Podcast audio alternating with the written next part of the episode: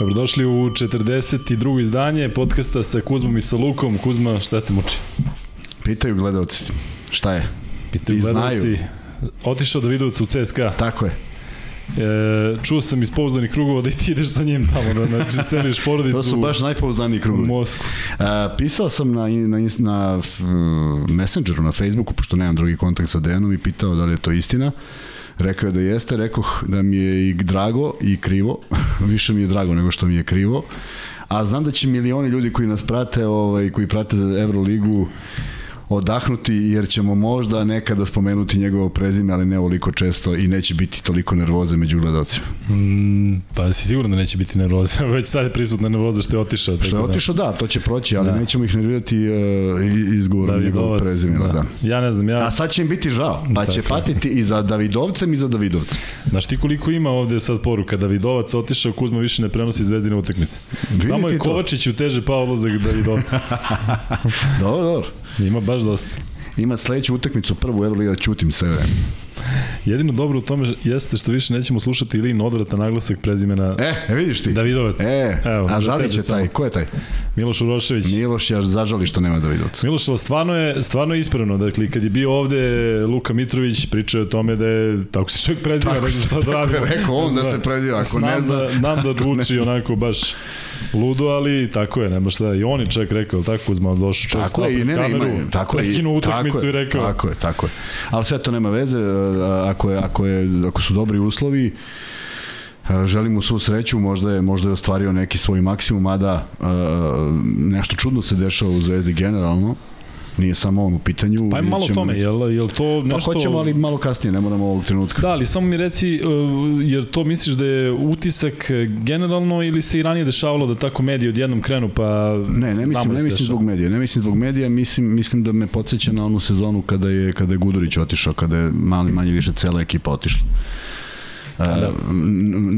Ne uzimam za zdravo za gotovo sve što čitamo, ali ako ima dela neke istine, u krajnjem slučaju videli smo da je ponuda za Radonjića na stolu, što smo već mislili da je završeno, ako se to ne ostvari ili ako tu postoji neki problem, onda Izvini, znači da postoji... misliš Pao ili, ili Zvezda? Ne, Zvezda mu je dala i obaveštenje izdala da je ponuda za Radonjića na stolu, da se na njemu, on treba da odluči. Tako, Tako da, ako je tu i ne prihvati, onda znači da neke stvari e, ne u Zvezdi, nego oko Zvezde ovaj, ne štimaju, jer, jer prosto nismo navikli na ovakva dešavanja. S druge strane, mnogo spekulacija, te je otišao, te je došao, još ništa od toga, Jeste. tako da a, ili se neko trudi da napravi što veću zbrku ili su to ovaj, neke, neke, ne znam, neproverene informacije koje plasiraju, ali ono što piše Zvezda, piše kada se završi. Zahvalili se Holinsu kada je to zvaničeno, Voltersu verovatno još kad je otišao, Da, Volters nema klub, ali da. se zna da se neće vraćati u Zvezdu. Ali, ajde da vidimo, mislim, nekako, nekako sva ona energija i svo ono ludilo i sve ono što je do pre samo 15 dana bilo u vazduhu, odjednom se ovaj, uh, slušamo potpuno drugačiju priču kao da, kao da nema sutra. A ne bih volao to da se desi jer je opet poluženo mnogo truda u sve to i gledali smo ipak jednu dobru ekipu prošle godine, bilo bi zaista greota da da se toliko poremeti, toliko promeni, jer videli smo šta znači renoviranje celog tima. Videli smo na, na, na primjeru Partizana kada treba uvesti toliko igrača u, u, u, u jedan sistem kod jednog trenera koji imaćemo večeras gosta koji će pričati na tu temu koliko je zahtevno kada neki trener dođe pa promeni igru i traži neke svoje zahteve pa igrač ne zna, ne zna šta mu se dešava prema tome sve to ako kreće se iz početka to je o, jedan ozbiljan proces koji se redko kad završi uspešno. Na šta mi delo je, koliko sam video da je možda najbitnije za Zvezdu da potpišu Branka Lazića, zato što ja Zvezdu ne mogu da zamislim bez njega, on njemu isteka ugovor i sada se čeka da potpiše novi, ali znaš, nekako Branko Lazić da ode negde sada u ovim godinama ne, kada je sinonim za sve. Da, da, dakle, ali ništa se ne dešava, to je ono što je u da, stvari da, da, e, nešto, malo čudno, ima, da kada neko sad potpiše pa kaže evo do, do, se, ili došao je. Ne? Nema, nema čak ni jedna informacija zbog čega je to, tako, tako da da. mislim da jeste neki potres unutra i kažem želeo bi da izađu bez potresa, da, da igrači koji treba da odu i koji su dobili bolje ponude, apsolutno da, ali da nekako se vodi računa o tom kostoru tima i u krajnjem slučaju da, da pokušaju da učine sve, a mislim da, da jesu bar po onome što piše, ponudili Radonjića dvogodišnji ugovor, sad na njemu je. A, a, sve ono do pre 15 dana da bi sad bilo potpuno drugačije, meni nekako ne ide u glavu. Da, ali ja i ti konstantno pričamo kakav je pritisak u Zvezdi i Partizanu. Yes, pričat ćemo večeras. Yes, pričat ćemo sigurno. I da odeš negde za veći novac, gde realno smo isto pričali kako u Panatinikusu više nema onoga mora, zato što je ekipa očigledno da u posljednje vreme, posljednjih nekoliko godina ima probleme. I onda kada staviš to na vagu, da imaš manje pritiska za veće pare negde, barem po onome što se piše, meni delo je onako, koliko god voleo zvezdu, pa valjda više voliš sebe, treba da završiš ko, ko Pablo Lasso da imaš zdravstvene probleme, zato što ono je sam, sam i, i ti znaš i ja znam i svašta što se dešavalo i kraj, i kraj parketa ove sezone, vidiš koliko, je, koliko su svi ljudi u konstantnom... Slažem se, slažem se da je uvek bilo divno otići negde da nemaš tih muka, negde smo pogodili i, i ja i večerašnji gost, Oliver Popović, koji ćemo ga kasnije pokazati. O, dok ne znam kad si rekao. Pa nema veze kad sam rekao, ali da ne bude ja sad kao krijem da koji gosta. Da ne ode, znaš, da, da ne, ne pobegne. Da. Ovaj, uh, pričat ćemo o tome kako smo neke stvari pogodili, kako su neke stvari izdešavale u našim karijerama, pogotovo u njegovoj karijeri gde je iz, iz, prelazi iz tima u tim, ne zato što je možda čak i nekad želeo, nego jednostavno stice okolnosti, tako da čeka nas interesantna priča, bit će nadovezano novo. Ali ajmo samo da ispucamo ove najbolje 40 dvojke. Ovo što moramo, ja da. Ja sam ono prijavio Vortija i drugog ne znam u Pa čini mi se da je čak i on najbolji od svih ovih koji ima. Pa naravno da je najbolji, zašto je Tom Chambers, Kevin Love. Tem, Tom Chambers, Tom Chambers, neka Tom pogledaju Chambers. ovi zaljubljenici u zakucavanja, ono spektakularno zakucavanje u glavu, Chambersa kad ga je preneo igrač yes. na grudima. Da, da, da, kad je otišao nivo, nivo Zaista ozbiljna, mo, ozbiljna da. mogućnost da polomi glavu direktno udarcem u obruč. Za belog čoveka to je tek ludilo. Tako je. Jerry Stackhouse nekada zaista i više da. nego pristan Ali igrač. ja mislim da mu nije karijera išla u onom smeru u kojem su nevni. Da, on je dobar trener, koliko znam, mislim da negde na koleđu sad više ne mogu da pohvatam. Pokon je Anthony Mason, Tony Allen, za koga je Kobe Bryant takođe pokrenio nevjerojatno, e, rekao da je najbolji defanzivac koji ga ikada čuvao. Neni Lario, Brazilac, dobro poznato lice takođe. Elton Brad, danas e, prvi čovek Filadelfije, ili tako Vanja? E, GM Filadelfije. PJ Brown, sa kojim sam ja imao jedan lep razgovor dok smo bili u New Orleansu sve vremeno. Lance Thomas, sad već, sad, sad već ulazimo sada. Ne, ali pazi ovo, Al Horford, John Penderownis i Britney Griner. Da li, e, Britney Griner, pazi, to ne mogu ni da izmislim. E. Pa znaš da je to žensko? Pa svakako ne mogu da izmislim. Ali to je devojka koja je sada u zatvoru u Rusiji zato što su i našli e, neku marihuanu. Kako u, to znaš, molim te mi reći. Pa da, zato što sam slušao danas dok sam radio tenis, slušao sam kako kolege pričaju u uh, sport klubu Dok smo pričali ti ja, ne. dok smo pričali ti ja, slušao si ovo. Amerika uh, pokušava da to gurne ispod tepiha, to što se da znači ona je tamo već koliko ima, jedno šest meseci u zatvoru, da ne bi Rusija zlopotrebila nju u političke svrhe. Znači, tamo čak ni ne priča se mnogo o tome, ali devojka u zatvoru danas je izašla informacija da zbog toga što su je našli, ona može da da dobije 10 godina duže. zatvora, da. Dobro, Hašim Tabit, eto, posljednji koji e, ću reći, dobre. neka treći pik na draftu, ali katastrofa, ja mislim da je on jedan od, od gorih, gorih centara ikada. I Kermit Washington, da završimo sa njim. Kermit i Kermit, Gica. ozbiljan problem Tako za karijeru. E, Kuzma, možemo da predstavimo gosta. Možemo da ga pokažemo, predstavio sam ga. Tako je. Predstavio. Olivere, dobro večer. U stvari, skoro pa dobro jutro. pa dobro, nema se, dobro večer. Hvala ti e, što si došao kod nas u ove još malo pa sitne sate. Hoćeš izdržati? Mi planiramo Kako da treba. Kuzmu da odbijemo? Sreli, sreli smo se na ulici slučaj. Da. da. Ajde. Da li vi, vi? I to je bilo to. Da. Moje pitanje... A lako smo se dogovorili, nije problem. Moje pitanje, ali sreli ste se tipu 15 do 11, tako da, pa samo ajde, imam gore podcast pa vidim. e, Olivere, pitanje je prvo, kakav je Kuzma bio kao saigrač, a kakav kao protivnik? Prvo, ovaj, bio mi i cimer, mi smo na vreme bili cimeri. E, uvek sam mu zavidio, recimo, on pojede 100 grama, 200 grama čokolade, ništa. Znaš, ubija, ja uvek kao vodim računa da se ne ugojim i to. A, pa prvo kao protivnik, prvo smo smo, ovaj, on je u BFC onako doživio neku afirmaciju, pa nezgodan jako, znaš, ovo, u stvari nekako je meni zapadalo stalno da ga čuvam, ja dosta je brže bio od mene i eksplozivniji i skočniji, tako da Pa raznovrstan igrač, bio, bio nezgodan na čuvanje, stvarno. Pa mislim to svi znaju šta je to. Nije... Jel zakucavao Kuzma? Priča da je zakucavao, ali neko meni Pa, to šta, ja kad, sam, ja kad sam shvatio verovatno i on da je to isto dva poena, da ne mogu baš mnogo da skočim, onda, onda, onda, onda, je, ovaj, onda sam odustao tako i kažem nije to njemu bilo jače, Najvažnije. najvažnije Sada mu je, sada ali je generalno, generalno bio nezgodan ovaj, pametan igrač znao da igra jako dobro. Znaš kakav je Znači kao ta trener? situacija. Kao trener je ovaj, onako potpuno miran, delo mi da je potpuno drugačiji kao igrač, ali kao trener Mira, ništa, lagano, moguće. objašnjava, pet puta objašnjava, niko ništa ne sluša, on šesti put objasni na isti način. I ovaj, S kim ja radim, pomislim. Da, da. I A on kao saigrač je bio, pa mislim, mi smo jako lepo sarađivali. To, nažalost, jednu godinu Da, samo. nažalost, Trebalo je malo godinu. duže da bude, to, ali to je splet okolnosti bio tako da smo se razišli, Ja ali... često pričam o tome, ali drago mi je da si tu, jer ja tvrdim da, Da. da bi te naše četiri godine, potencijalne, u najboljim godinama donele, a ne mora da donesu četiri titule, ali donela bi možda četiri finala, tri finala, dve titule, nešto bi donela mnogo više Kuzma, da smo ostali makar drugu u onom sastavu, da smo pojačali s jednom, jednim ili dva igrača, bilo bi mnogo, mnogo bolje nego što je bilo, ali jednostavno nismo mi imali mnogo utjecaj na to. Ne, nažalost. Nažalost, mislim, tako nismo se pitali previše. Ali hajde samo da podsjetimo uh, kad ste igrali zajedno i u kom periodu ste Ne bili... gledaš u mene, se gledaju pop. Da. Uh, igrali ste zajedno tu sezonu u Zvezdi. Jaš kad smo osvojili titulu i kad smo I obojica ste otišli sledeće godine. Ne, tako? ja sam ostao još Da. godinu dana, a ekipa se drastično promenila, mislim, otišao i Željko Topalović i Kuzma i Benčić, Mišković i Perović. Jest. I totalno smo iz nekog razloga, ne znam iz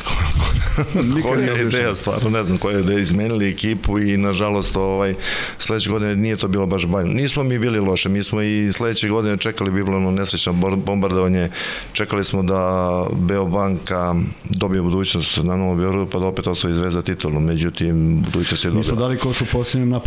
Jest. Imali smo posljednji Jest. napad i nacrtan posljednji napad i ako mi pobedimo, Jest. Zvezda je prva. Kuzma je Tako da tad tu igrao za Beobanku. Da.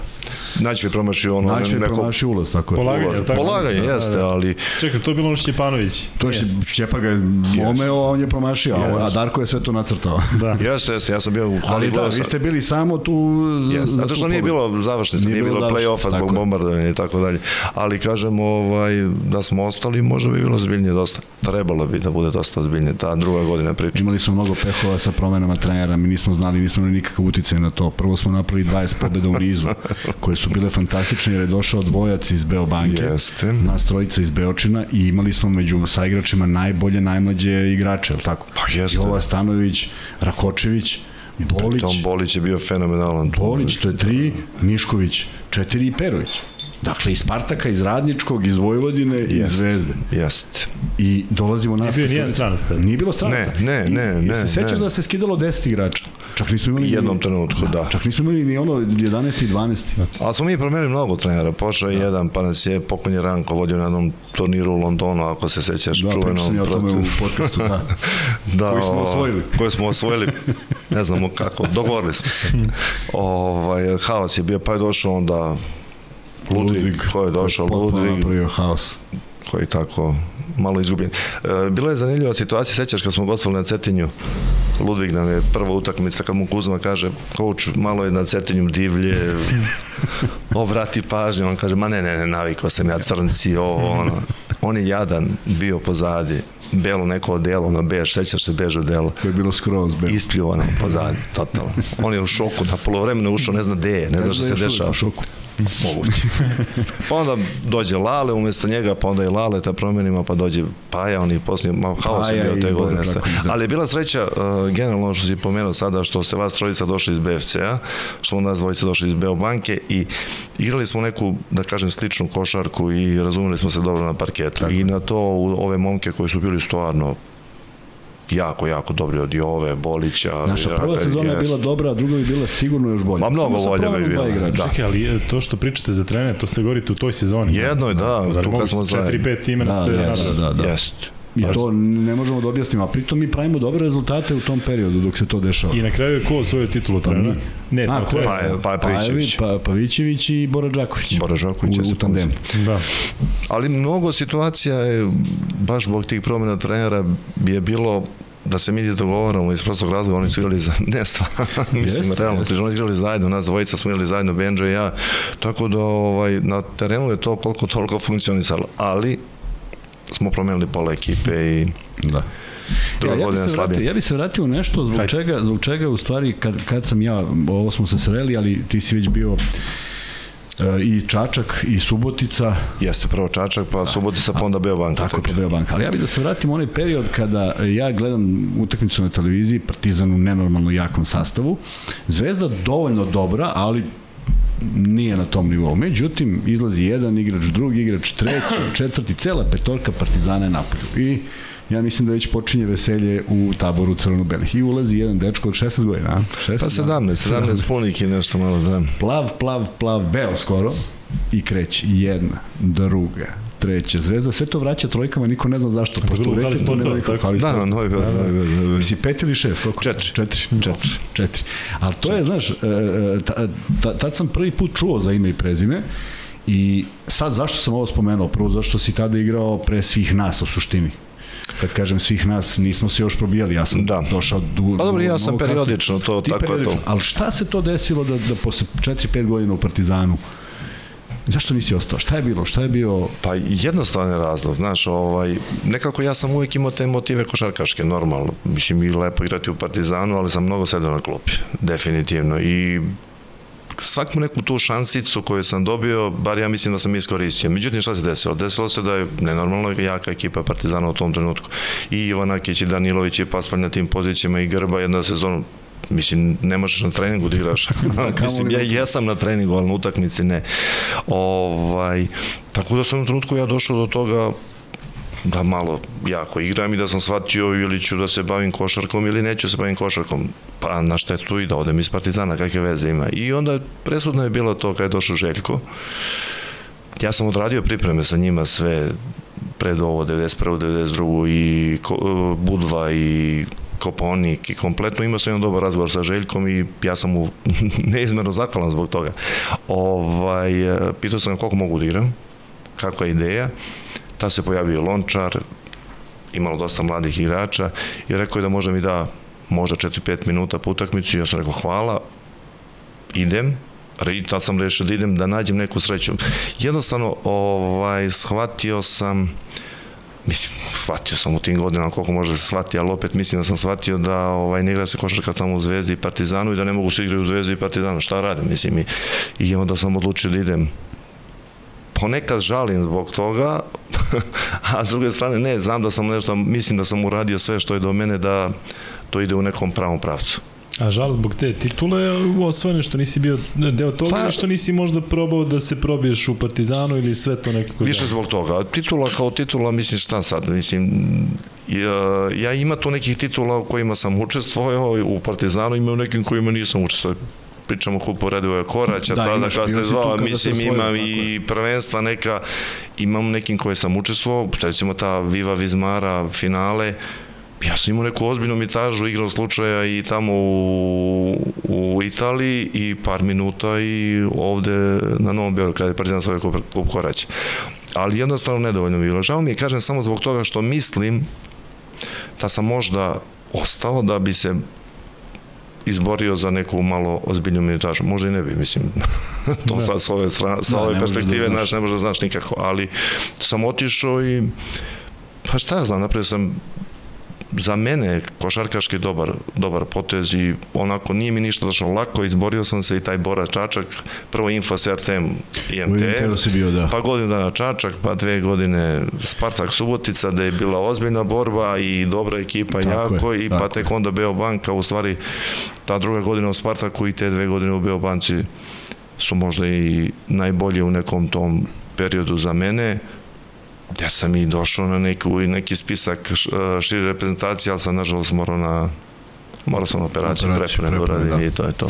Ali dobro, kada e, pominješ te timove, to su stvarno bili tada timovi iza Zvezde i Partizana. Dakle, to, to, je, to je bilo...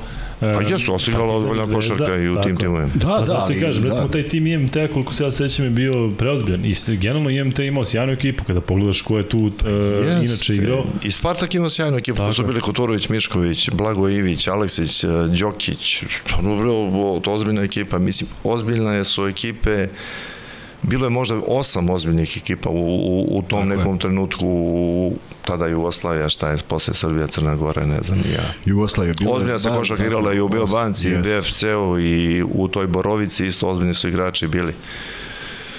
On je malo napravio neki preokret Borovica sa dođenjem tih starih, malo ozbiljnih igrača, ali Da su igrali finale te godine protiv da, Partizana. da, da. Mi volimo da pričamo ovde o Juba ligi i nastavit ćemo, ali samo dok smo još na ovoj temi, e, ti si naravno u ovoj našoj košaci e, već dosta dugo. Zašto tako nije danas? Zašto danas imamo samo dva tima i posle toga imamo e, možda eventualno još dva, tri tima koji ne mogu da im pariraju, a sve ostalo, svi ovi ostali centri po, po Srbiji realno um, ne mogu da igraju, ne mogu da se nose sa Partizanom i sa Zvezdom. Ja čak ne mogu da, da zamislim da recimo da se serija igra na šest pobjeda, da eventualno bude jedna pobjeda u nekoj play-off varijanti. Koji je to razlog? Prvo, nema timova sa nekim malo ozbiljnim budžetom u, ovoj, u ovome KLS-u. To je pod broj 1. Druga, malo ću možda postati dosadan, ali ne trenira se više kako se treniralo ranije i u tim centrima, pričamo o tim centrima, o manjim klubovima. Druga stvar, niko nema neki pretrani interes i da ulaže kad zna da mu neće doći Zvezda i Partizan ili FMP ili Mega ili sad Borac i Čačka i tako dalje i svi prave neke ekipe eto, za taj neki nivo KLS-a i da se preživljava. Ali generalno mislim da u nekim mlađim kategorijama se ne trenira kao ranije, definitivno. Malo se više, malo se razvodnilo to, mnogo ima škola košarki, mnogo ovih uh, privatnih klubova gde se više gleda da se uzme neka ta članarina nego da se nešto malo ozbiljnije radi. E, ne zato što oni sad to tako hoće, nego jednostavno u tim manjim klubovima ranije je bilo dva puta dnevno trening, sad imaju deca po sat, sat i 15 sati, pa šta mogu da uradi za to? Mislim da se malo i slabije radi u odnosu na ranije. Ne kažem da je bilo bajno ranije i da treba tako, mora se menja, mora se na, ovaj, da se to sve unapredi, ali jedan od razloga je to, nema, nema tako kvalitetne dece. Da, Ali ovo potpuno si u pravu. Dobro objašnjenje. Da, zato što su u, u naše vreme klubovi bili klubovi, ne Pa škole jeste, klubovi. naravno. I ti si došao i ti si dolazio na trening, dođe trener, čuknete po ramenu i ti ideš iz kluba. Nema, ti sad meni da dete se- trenirao Beovuku, sad Beovuk je trenirao dva put dnevno. Oni više nemaju nemaju mogućnosti da, da, treniraju više dva put dnevno. A kažem, pojavilo se škola košarki i ovi razvodnilo se u gradi. m, I ja svako ne znam ide koliko ih ima. I onda nema, nema kvaliteta na jednom mestu. A ovde je moralo da bude, jer nije, Jest. nije, nisu gradovi imali po 100 klubova, nego su imali jedan, dva, Bravo, malo, i, bravo. i tu su bili birani igrači koji su onda odlazili dalje. Ali, ali e, ovo, je, ovo, je, ovo je fundamentalni problem zato što škola košarke je apsolutno legitimno pravo da postoji. Nije Naravno. sporno. Ali to mora da bude na neki način odvojeno od takmičarske košarke.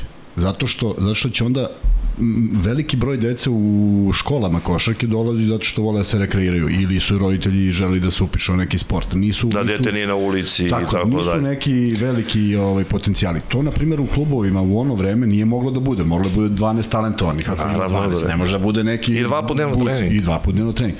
Bez obzira da li je prva liga, druga Da. liga, da li je srpska Na liga, otvorenom neka. terenu se treniralo, padne kiša, malo bare, malo počistiš i cepaš. Ali, ali zaista se sve toliko promenilo da, da uzrok, ono što smo stalno pričali, uzrok ne možemo da nađemo. Kad bismo ga našli, mi bi bili majstori koji bi ga ispravili. Ali, evo, on je, on je nekoliko godina si u Srbiji, jel tako?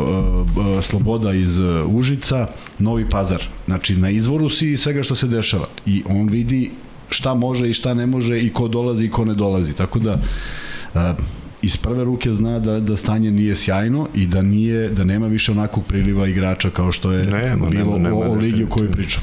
Da, Lonča nam isto pričao kako konkretno u Kragujevcu nema ni trenera mladih i kako im uopšte nije interes da se bave tim. tako, je, ali ima nekih ljudi koji od toga žive. Da. E to je to je sad pro, mislim problem. Nije to problem. Problem je samo to odvojiti, reći ovo je košarka, ovo je rekreativna košarka. Ili Do nekog uzrasta Tako ili već tako Ili kako već napraviti neki, da, košarke, da, tako da, je. da. Da, i delo je isto da uh, bare meni se tako čini da po tim nekim centrima, pa čak mi se čini u Novom pazaru, da se nekako prave te instant timovi. Ajde, evo sad se odjednom pojavi, pojavi novac, ajde probamo da napravimo, pa dovedeš možda i neke Vidi, ni, stare igrače, poznate i nove. Put, znaš, i tada da. u naše vreme, eto, meni je jeste, strašno jeste. žao što su nestali i Borovica i BFC. Ali seti se... I Beobanka. I Beobanka, naravno. naravno. Da ne. Pa evo sad i, su, i Spartak nije više na tom nivou. Znači, da. nestalo je mnogo tih klubova koji su stvarno nešto predstavljali. Da, i bilo je i Beo Petrol, i bili su kasnije Lavovi, sećaš se u Lavovima kad pogledaš ko je... I Atlas je bio, tako i svašta je nešto bilo, da. E, tako, ali znaš, veruješ da su to, ne mogu kažem isti, ali mnogo ljudi je na istim pozicijama bilo Just. u tim klubima. Konkretno Finac je bio tu, da tako? Jeste. Finac ode u taj za tu Suboticu i kad okupi ekipu, to stvarno neka deca koju on gledao, nisu to neki njegove da, sinovi njegovi komšija, nego su nego ozbiljna ekipa bude. Tako da kako nema ovog priliva, tako nema ni entuzijasta više u košarci. Čikaranko pokojni je bio entuzijasta, on je išao, išao, išao, pa našao dvojicu iz Kikinde. I Pecarskog i Bogosavljeva je negde on otprilike navatao, da. Tako da e, Raša Radovanović išao po celoj Srbiji i samo gleda ko štrči na ulici pa ga yes. spakuje za železnik. Ozbiljno.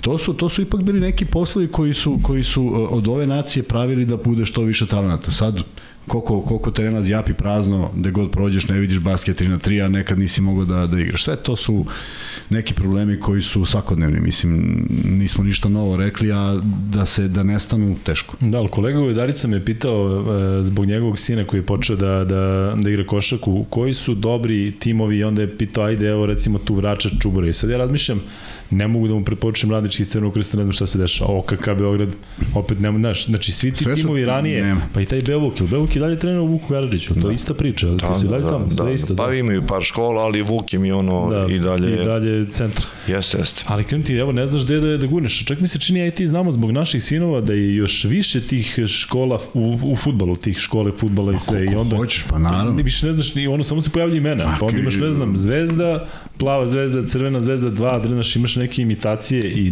ne znaš odakle uopšte to sve stiže. Sve to ne doprinosi kvalitetu, doprinosi da ti stalno čitaš da. nešto, ali nije to selekcija, jedina selekcija i to Pop dobro zna, jedina selekcija koja može da bude i verovatno si iz tog razloga bio u Partizanu, ne znaš što ti je neko znao nekoga pa te doveo, je bila prirodna selekcija, da li znaš da igraš i da li imaš taj kvalitet, a ne da, da, da na bilo koji drugi način. Pa da li, seti se kod smo to vreme i ti i ja kad smo bili, bilo je samo klubova u Beogradu. Tako je, Mislim, samo klub i to nema i beskonačno.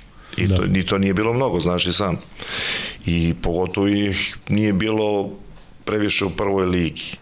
Druga, da, ali ono, pa znači, to je, imao si to što imaš i mora si imaš neki kvalitet ako misliš da igraš. Definitivno. Tako je, tako je. Vrlo jednostavno bilo. Mislim, kažem, yes. uh, ovaj, iz generacije kad izađe jedan i dva, bilo je top, ja se slažeš, mislim, to je i Upravo, tada. Jedan ili dva su i upadali u ekipu kao neki naravno, koji ne pet. Naravno. Jedan ili dva. I to da sačeka svoju šansu i to opet mora bude neki jaz Ma naravno. Dve, tri godine da bude neka rupa da bi se prolazilo. E, Kuzma, hoćete vi malo onda da se podsjetite nekih e, detalja i nekih e, godina u Juba Ligi o kojoj stalno pričamo, da li ima neki Da, ja bih volao, da, ja bih volao da, pošto, pošto ja često pričam o Beobanci, a nažalost više nema, a trener koji meni taj bio, nema posao, to je ono da. da najlogičnije, ajde, ti si ranije došao i to je stvarno bio neki možda i onaj najbolji period Beobanke, pošto sam ja vjerojatno dosadio svima kad pričam koliko je to bilo dobra košarka i koliko su se znale neke stvari i kako smo igrali kao mašine i trenirali kao mašine i osjećali se sposobnim da uradimo bilo šta. Ajde iz tvoje vizure jer si sad jedini koji je došao u goste, a da ima tu taj, to iskustvo. Pa ovako, ovaj, uh, ja sam u Beobanku došao kad su ušli iz druge lige, kad je Darko im je bio trener, uvijek je u prvu ligu i moja druga godina iz Spartaka. Ovaj, prvo, Darko je sigurno, ako ne najbolji, jedan od najboljih trenera s kojima sam radio, ono što on pokazuje na treningu i kakvi su njegovi zahtevi na treningu i, i na utakmici, to malo jedan trener. Mislim, ja ne znam trenera koji to rade, stvarno, stvarno ne znam. Uh, uvek ima odgovor na sve, vezano i za odbranu i za napad, uvek je isto, uvek, je, uvek se traži, u početku misliš da je to nemoguće, Međutim, kroz neki trening gde se radilo, ja ne znam kako je bilo kad si ti došao, malo se možda smirio Darko bio, ali, o, pakleno, da. ali je bilo pakleno i dalje. Ovaj, ali je, to je jedan klub gde je Darko ima odrešene ruke u smislu da dovodi igrače, pomoćne trenere, kondicione trenere, stvarno imao je od Zokija Peričića apsolutno tu slobodu, znači dozvolu da može da radi sve i sve je funkcionisalo stvarno vrhunski. Nenormalno je zahtevan bio, mislim, ja verujem da je tako nešto slično i Željko radi ili ovi uh, nešto slično, ali Darko je nenormalno zahtevan po ponašanju, po van terena, na terenu, znači to je, mi smo imali ozbiljan problem, mi smo bili prvi na tabeli, izgubili smo od Arisa u Solonu 14 razlike, neko četvrinu osminu finala, Kupa Redova Koraća, dva igrača su otišli na otvaranje Excela posle toga, on ih je kaznio da ih ne skine. Mi smo izgubili u, od, od Borovice. Kažem, nenormalno zahtevan, ali kažem, jedan od najboljih trenera sa kojim sam radio, verovatno najbolji.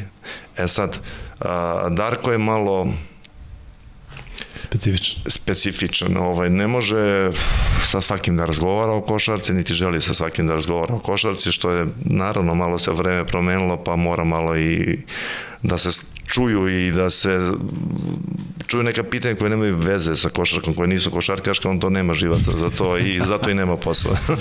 da, kako li mu je bilo u da Kazahstanu? Ja ne znam da li tamo može da razgovara u pa, sa dvoje. Recimo, sad, sad, zakačio je Južni da sam i ja bio 7-8 meseci trener u Ukrajini, Him. da, Himik. Ovaj, taj, tu je predsednik kluba jedan čovek koji je bezbednjak koji je glavni za fabriku tog.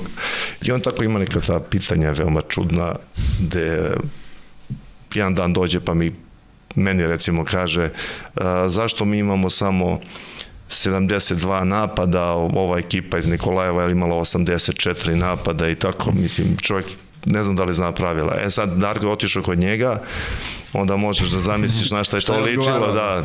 Velim da se vratimo do Beobanku. Žao mi je što se ugasila stvarno takav klub i radnički isto sa, sa Krsta, ali Beo, mislim normalno ko radnički ima mnogo veću tradiciju od, nije to nešto za poređenje, ali konkretno Beobanka žao mi je što se ugasila i to je jedan od najlepših perioda mog košarkaškog života, a verujem uh, i ljudi koji su na Novom Bioru dolazili u halu sportova da gledaju te utakmice gde su uživali i te dve moje godine i onda posle toga to je trajalo još par godina gde se igrala stvarno vrhunska košarka i u osnovnom rezultati su takvi bili. Takvi su rezultati. Žao mi, kažem, žao mi što se ugasili, ali ti vrlo dobro znaš kako je to sve funkcionisalo tamo, doživeo si sve to, u jednom trenutku i pokojni profa Nikolić je bio savjetnik Darku, tako da su to jedan ozbiljan, ozbiljan košarkaški period u mom životu. Da, sada iz ovog ugla mi kad smo bili klinci, kada smo tada trenirali, e, nekako je uvek u vazduhu bilo to da kod vas starijih kasne plate. Su Beobanci kasnili plate? Jesu, jesu yes. svuda. Ja. Pa jesu. Ne, nego razmišljaš Beobanka, pa... To je za Srbiju normalno. To je za Srbiju normalno. Ali, ali, ali stvarno, evo, ja i o tome pričam, a eto, Pop je iz istog, istog tog perioda. Prvo i on je počeo da igra ne zato što je mislio da će zarađivati. On je još 80-ih već bio na terenu kad to nije ni bilo da. za, za, za, za priču ali stvarno nismo nikad razmišljali, pazi, mi smo potpisali neke ugovore i nadali se da će to da bude u redu. Da li neko mogu da nam garantuje? Ne. Da li Ma, možemo nešto da uradimo po tom pitanju? Ne.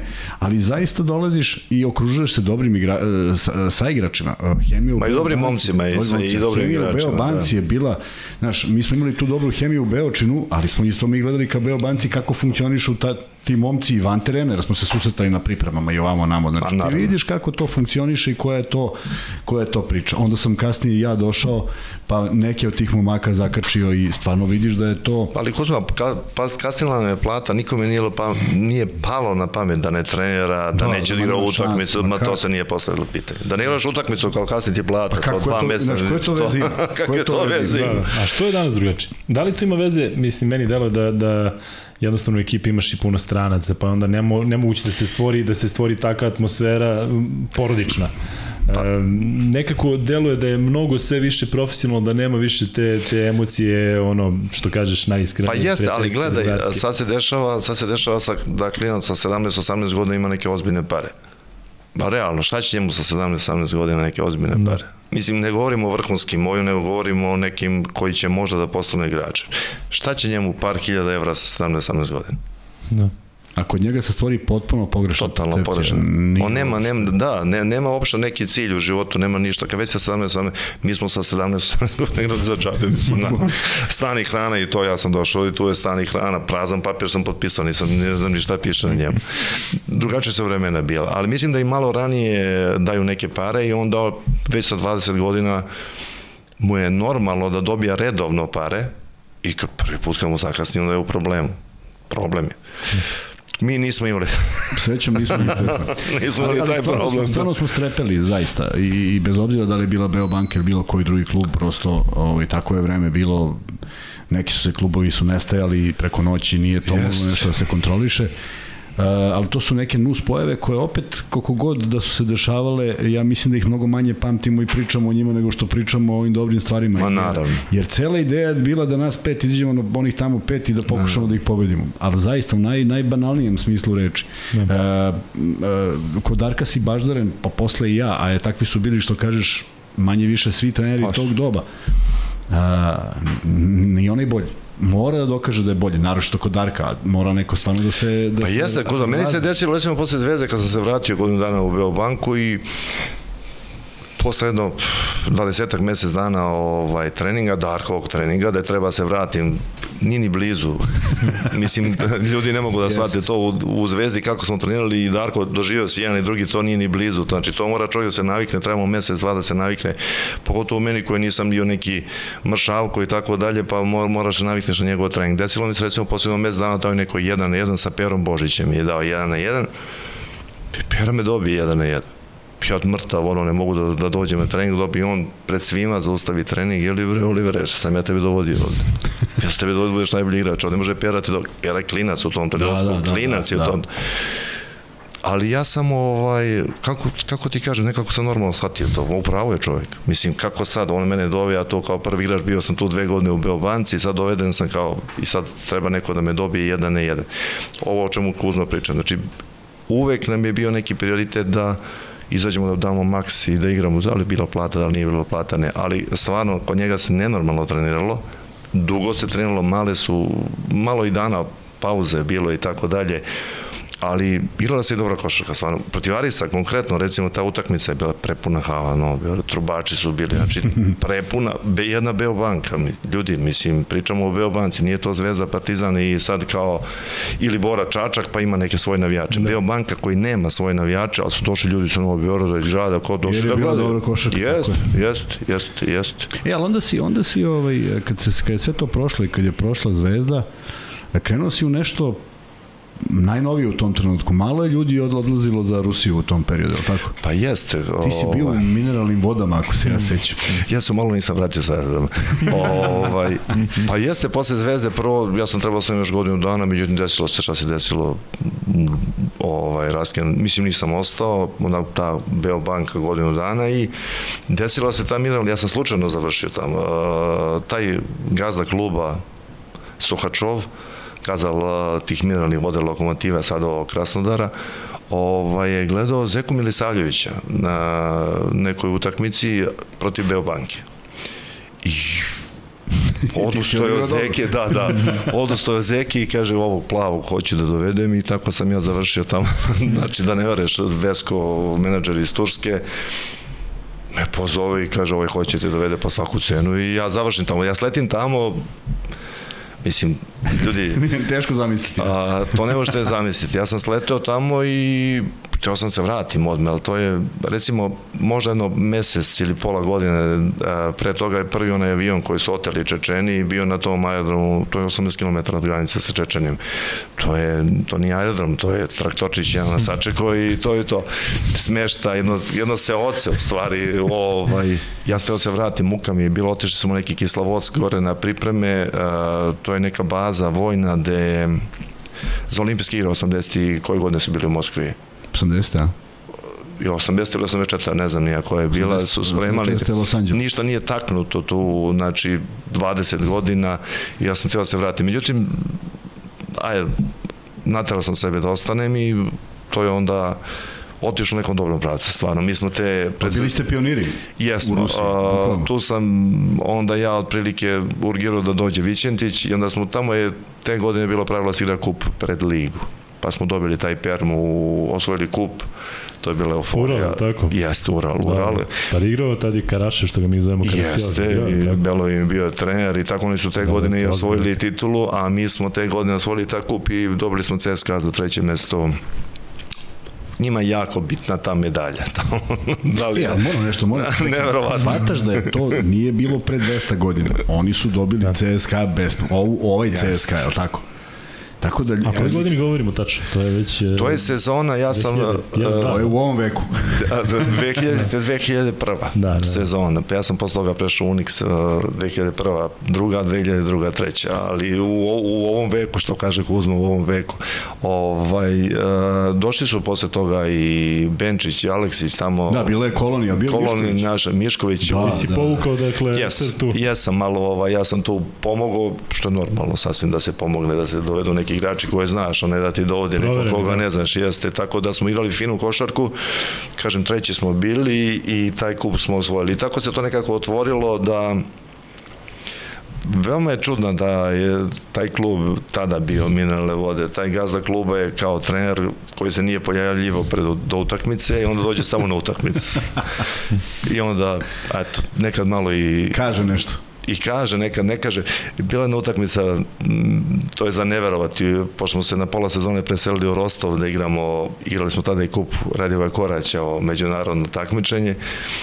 U jednom trenutku ja sam na terenu i zove me neko Oliver, Oliver, Oliver, ja prema klupi čujem da je Suhačev glas. Njega nema na klupi.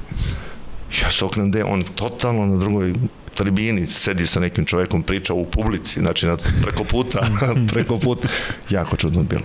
Mislim, tako je funkcionišao, ne danas, danas je Lokomotiva jedan Mislim, Ali kad te zvao, šta je hteo? Te zvao da ti nešto Pa kaže? da mi kaže nešto, ali on to stvarno od njegovo to prepoznavanje i znanje košarke je bilo dis, ovo, diskutabilno jako. Jedan Ukrajinac nam je bio tu trener koji je vodio trening, treninge Litanac, pa Ukrajinac, tako to se izme, izmenjalo tu dosta te sezone. Bilo je dosta onako haotično, ali za nas dobro.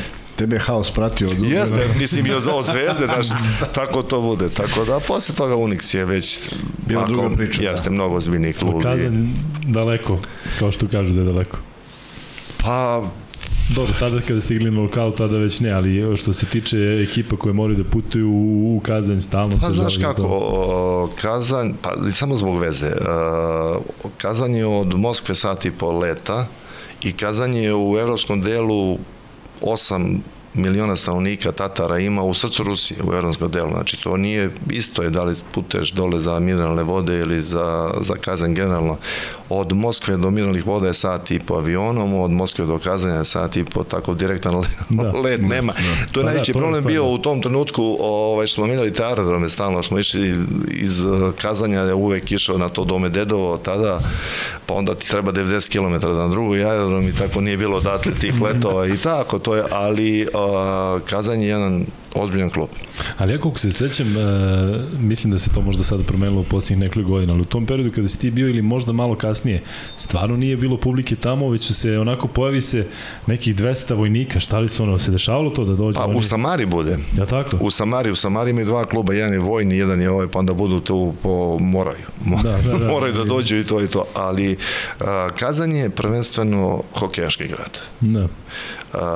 Te prve godine kad sam ja došao vratili su četvoricu, petoricu iz NHL-a, što je nenormalno, nenormalne su uslovi, cifre i tako dalje, pa toga, posle toga ide futbal, rubin, pa tek onda košarka. Da. Sad i, i odbojka i vaterpolo, jedan grad koji je od sjaja do očaja. Uh, imate jedan hotel sa pet zvezdica koji je vrhunski, pored njega na 5 km u krugu nema ništa, ali se to promenilo. Ja već kad sam došao 2013. je bila univerzijada, nenormalno se izgradio, stvarno. Nenormalno, milioni postanovnika od prilike grada, ali se nenormalno izgradio što tiče stambenih zgrada, poslovnih zgrada, dva mosta, hale, dve, tri i tako dalje. Tako da Kazan je jedan preozbiljan klub. Da. Definitivno. ja bih sada pričao o jednom delu koji mene posebno zanima. Ja i Kuzma imamo taj neki e, antinovinarski, zato što ne volimo da, da sada uđemo pa da vidimo šta sve piše, šta ovo. Ja sam pitao Kuzmu, samo mi je si mi napisao, da, igrali ste te godine u Zvezdi. Da. I onda sam ja rekao, Kuzmi, ja bih volao da pričamo o Marusiji. Nisam želeo da ulazim na internet da vidim ko je tada bio, ali ja koliko pamtim, to je bilo, dakle, Janakis trener, Jeste. Spanulis kao klinac i samo me podsjeti ko je još bio tu od, imali ste dva Amerikanca, tako, i, i koliko se sećam, da li je bio Black nije bio na playmakeru. Roderick Blackney. Black nije bio Da. na playu, jedan vrhunski igrač i Larry zato White je... je... bio isto, tako? Jeste. Jel tako? A on je Larry bio White. druge godine. I on je, i on je došao kao igrač koji je u NBA ligi bio i dobar ruki i sve i Jest. onda je došao u Evropu. Ali je, m, zbog Blacknija je bili ovaj, igrao jako, jako dobro, generalno imao jako dobar trening i bili je tada bio klijent, Spanulis je bio baš dete u tom trenutku. Smiljanić je igrao tu i prve godine Grgat Hrvat je bio isto. A Sekulić ili zakačete? Drugu jel drugu tako? godinu, drugu godinu. I ko je bio od ovih kasnije, isto tih mladih Grka koji su kasnije postali veliki igrači? Jel bio, e, recimo, ne znam da je bio neki reprezentativac i što je, re, A, Kajma tad- Koglu, je li bio možda? Kad Makoglu je bio druge godine i on je posle Bio, toga tako. reprezentativac Ali on isto bio završio. klinac, je li tako? Jeste, klinac Da, je da. bio pa je završio u Unixu i on, ali posle mene su se, ovaj, posle te dve godine su dolazili još ovi klinci, ali dva najpoznatija su da, spanuli se i Kajma Koglu. A Janakis kao trener, mislim svi ga, ja ga ne pamtim toliko kao igrača, ali svi ga znaju kao genijalca, ali opet je pitanje, e, stalno bilo pitanje da li će on moći da bude tako dobar trener kao igrač, tvoj, tvoj utisak i A, saradnja sa njim. Pa vidi ovako, ovaj, ja sam iz jedne lige gde sam morao da dajem po 20-25 poena kao stranac u, u Ruskoj ligi u, u Rusiji, ako ne daš 20 poena, stranac je on, mislim, znaš, što, što te dovodio. Pa da, jeste tako, ja daš, i prve godine te sam bio izabran neku petorku kolu, kola lige i tako dalje, nemam pojma i druge godine i navikao sam da moram da dajem poene. I šta mi se desilo kad sam došao u Marusi, već sam imao, žao mi je prvo što nisam otišao kad sam trebao da odem, ono, u Olimpijakos, ali nažalost nisam. A, otišao sam sa 33 godine dole. Imao sam jedan problem, doveli su me ljudi dođe utakmica, ja šutem tri lopte, četiri lopte i sve je okej, sve je super. Igramo turnir u Vršcu, onaj mali, veliki za male, kako Da, da, se da. zvao, nemam pojem, dođemo tamo 5 poena, 10 poena, 3 poena, 2 i nikakav problem nije, sve je super, sve je odlično. I ja sastanak sa njima i kažem, ljudi daj, idem ja, mislim, što ste me doveli. A, to je prvi klub gde sam doživeo da uopšte nije bitno koliko ću poena da dam Kao stranac. kao stranac. Da. To je neverovatno. Znači, uopšte nebitno da li ćeš šutem dve lopte, da li će, po, bilo je tu utakmica dan po 20 poena, bilo utakmica dan po 4-5 poena, bilo utakmica po 10, ali nebitno, niko nije tražio od mene da dam poene. On sam morao da razgovaram sa njima i vrlo onako lepo su mi objasnili i Janakis i Vagelis je bio pomoćni trener, ovaj, da im ja trebam kada treba da se da koš, da mo, treba im da se spusti lopta na centra, to da, imam, da imaju širinu sa mnom, da uopšte nije poenta koliko ću poena da dam. Tako sam i trenirao, mislim, imao sam neke dve obavezne teretane nedeljno i to je to. A, vrlo, vrlo onako konkretno to je to, a to sam prvi put doživeo kao stranac, da ne moram i da nije moranje da dam 20 poena. I jako sam se ovaj, komfortno osjećao, imao sam punu slobodu, kod Jana, kad je Pomisliš, to nisam ranije došao. Da, puno slobodu, ali puno slobodu sam, mogao sam da, ja to generalno nisam ni takav bio da zlopotrebljavam, ali jako lepe iskustva imam sa njim. Uh, ono što je, meni prvi put sam se susreo sa tim, Vagelis je vodio trening, a oni se dogovore pred trening šta da se radi, on stoji sa strane i tu i tamo 5, 6, 7, 8, 10 puta u toku treninga nešto ubaci, kaže i to je to. Inače pomoćni trener vodio trening, a Janakis je vodio utakmicu. Dosta je strog bio, ali je u tom trenutku kad je on bio u tom klubu u Marusiju, klub funkcionisao fenomenalno, stvarno. Mislim, to je sve bilo organizovano, od stanova za igrače, do automobila za igrače, e, stvarno jedan visok putovanja, organizovana, sve smeštaje, sve je bilo vrhunski. Tako da mi smo te prve godine igrali jako dobro, definitivno jako dobro. Mi smo izgubili u finalu od Panathinaikosa koji je realno bio mnogo jači od nas. Ali smo imali jednog dominantnog igrača, Andreja Hudsona, smo imali prve godine koje je da. u tom trenutku sa šipkom u nozi, da nije skrivio tu šip, ovaj šipku, zakucao je nenormalno iskako, zakucao je protiv Arisa i skrivila mu se ta šipka u potkolenici i sledeće godine je završio u Panathinaikosu i samo iz tog razloga što nije mogao da prođe lekarske preglede. Pa smo izgubili, kažem, izgubili smo od njih, dobili smo Ajku u polufinalu, Peristeriju u četvrtfinalu, izgubili smo od Panathinaikosa, da su realno bili mnogo, mnogo, mnogo, mnogo, mnogo jači od nas, da, ali kaže, namočili smo jednu utakmicu ih i dobili čak, tako da. Ali vidiš, pričali smo malo pre sada da se nadovežem. Pogledaj, igrao si jednom fantastičnom Marusiju. Aris je jedno vreme bio neprikosnoven. Imao si Paok kao jedan od klubova sa... Jest. Uh, mnogo pre, imao si Panionio za koji igrao Janković, vidiš, i u Grčkoj su globalno je, nestaju jer... jer e, pa imao si pa Iraklis.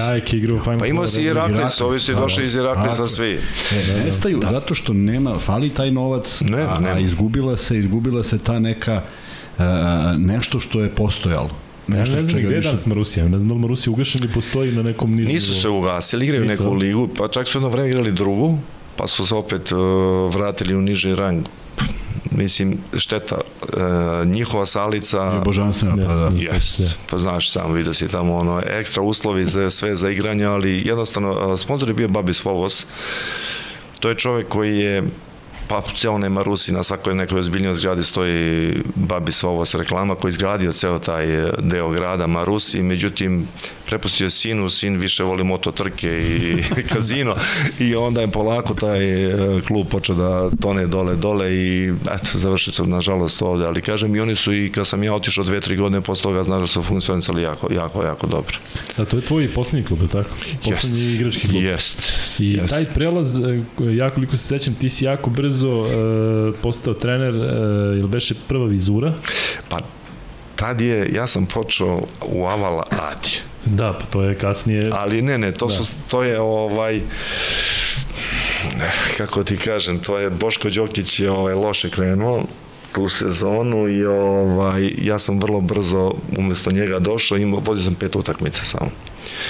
Pa se to nešto nije svidelo, ima, Vlada Đurović je trebao da bude savjetnik, takav je dogovor bio, međutim ispostavilo se da je ideja bila da posle te pete utakmice koje smo izgubili Kruševicu, on sedi na klupi, ja nisam pristao na to zato što jednostavno nije bio takav dogovor. Mislim da, da, da ne šćerim i nisam pristao na to i onda sam otišao iz Avaleade i završio sam tu sezonu u Tamišu, druga liga. E pa tek onda sam sledeće godine, pokojni Šarić je vodio vizuru, došao da bude pomoćni u Partizanu i ja sam uzeo vizuru i tada smo ušli u tu neku super ligu, tada je bila, ne mogu setim šta je bila super liga, igrali smo neku super ligu isto. E, kada, zato sam te pitao i za Janakis, evo sada vidimo da je Spanulis preuzeo ovaj Adidasov tim, da je vodio na ovom uh, turniru mladih pred uh, do 18 godina pre, pre uh, Evrolige. Šta je stresnije? Sada kada, kada porediš, dakle ja koliko razumem ti si odradio sezonu u Rusiji odmah si postao trener. Dakle ti si u, praktično yes. nisi dao sebi Jesam, možda pa povreda mi je, da. Ja sam da igram još malo, probao sam, ali nisam mogao zbog ahilove tetive i onda sam, nisam teo da lažem ljude, a ni sebe, da se mučim. Ali kada to, pogledaš, to je to. kada pogledaš uh, igranje i e, biti trener, šta je, zato što znam da mi Kuzma pričao da, da ne želi da bude trener iz, iz već kog razloga. Da li, da li ti je e, žao, da li ti je drago, da li, da li zato što znamo koliko je stresno, posebno ovde kod nas. Ti si, e, je, koje ekipe si ti vodio van Srbije? kao trener? U, bio sam u, u Južnom u, i u Rumuniji. Rumuniji, yes. tako, u Rumuniji beše e, Krajova. Krajova, Krajova. Da, i kada uporediš sada sve to, Kada porediš te stresove da je bukvalno posle pet utakmica kao što kažeš se dešava da dobiješ otkaz. Ovaj, pa znaš kako, kad igraš onako dosta je jednostavno. A, vodiš malo računa da se odmoriš, Pa ne, ozbiljno, da na vreme legneš, on, nekad posle ono utakmice, jedan pod nedeljom odeš, zaglaviš u grad, normalno, onda malo zavisi koliko imaš utakmica, vodiš računa šta radiš između treninga, malo to da dobro jedeš normalno i da se spremiš za taj trening i generalno otprilike to je to. Ovo kad si trener, ovaj, tu nema, nema kraja, to je 24 sata razmišljanje o i onom najbitnijem i onome koji nije bitan, koji je bitan samo na trening, da li to treba ovako, da li onako, da li im odgovara vezano za stvari, šta rade oni, da li su u gradu, da li nisu u gradu, tako da ovaj, stresnije je mnogo ovaj posao trenerski, s tim što normalno na to se ne dovezuje to da si ti neki glavni odgovorni za, za porazi. Mislim, ja im uvek kažem, oni kad dobiju, to je njihovo, kad izgubimo, to je moja greška, to je normalno, to, to tako funkcionuje. Da. Nažalost, to je tako. Yes. Tako da sresnije je mnogo ovaj posao trenerski. Druga stvar, neke stvari ne zavise od tebe. Nažalost, pogotovo, bar sam ja u nekim nekim ligama bio da ima nekih faktora koji su, nema veze sa košarkom, apsolutno nisu košarkarski faktori, pa utiču na to da li ćeš da zadržiš posao ili nećeš da zadržiš posao a i o tome čovjek mora da, da, da, računa. da vodi računa. Ali stresni je mnogo trenerski. Ovo kad igraš, kažem, mnogo jednostavnije. A da li sećaš jednog trenera koji nam je rekao da će on reći da je kriv, ali da mi svi dobro znamo ko stvari jeste kriv? Jeste, ima i toga. Mogu ja da povidim to? Nije ni bitno, ne moramo da pričamo ko je. Ali ovaj, ima, ima, mislim, uvek dođe i kako je rekao i moram i ja malo da se zagrejem, napravio sam pauzu tako dugačku i tako ne, dalje. Kad napravim, samo vi se, moramo i mi da se zagrejemo. Moramo i mi da se zagrejemo i tako. Tako da, ovaj, kažem, mnogo je, trenerski posao je totalno, totalno nešto razli. Što pre zaboraviš da si igrao košarku, ako misliš da se praviš trenerskim poslom, bolje po tebe. Je li ima možda neki period ili neki klub gde, gde pamtiš da te baš vežu, vežu isključivo lepo uspomen?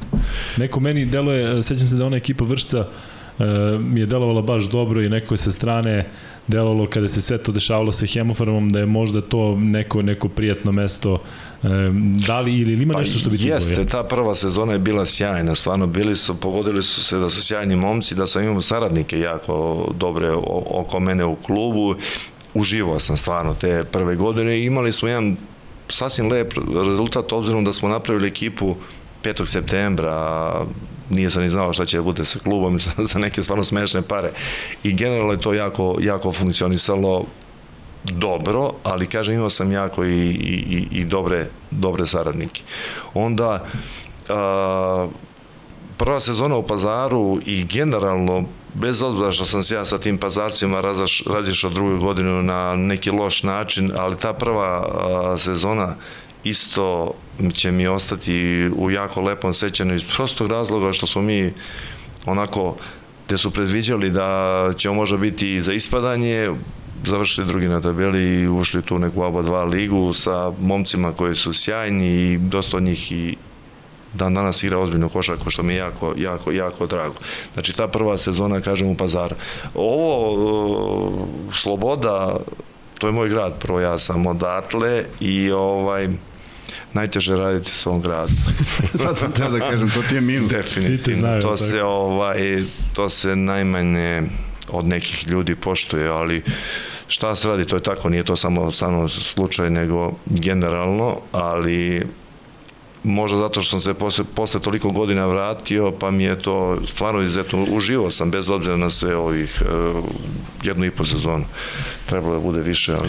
Da, ovaj dan kad smo se videli, ja sam pitao, ostoješ, kaže, pa mislio sam i ja. Trebalo je. Ali vidiš, lično nam je pričao, pričao Nikola Lončar za Kragujevac i njegovu poziciju u Kragujevcu. Nije širio, ali je rekao, kaže, moram ponovo da postanem da... da... Pa jeste. To je ali rekao da je srcem, da je srcem tamo i da koliko god ima problema da voli što je tamo, pa čak i ako je Pa, znaš kako, tako, ja sam ovaj, ove godine malo i na silu jednog dečka mlađeg isforsirao više nego što zaslužuje, zato što je domaći igrač i bila mi ideja da to sledeće godine bude šestorica domaćih igrača. Ne da budu skinuti u 12, naj, najlakše da skineš nekog u 12, nego da igraju.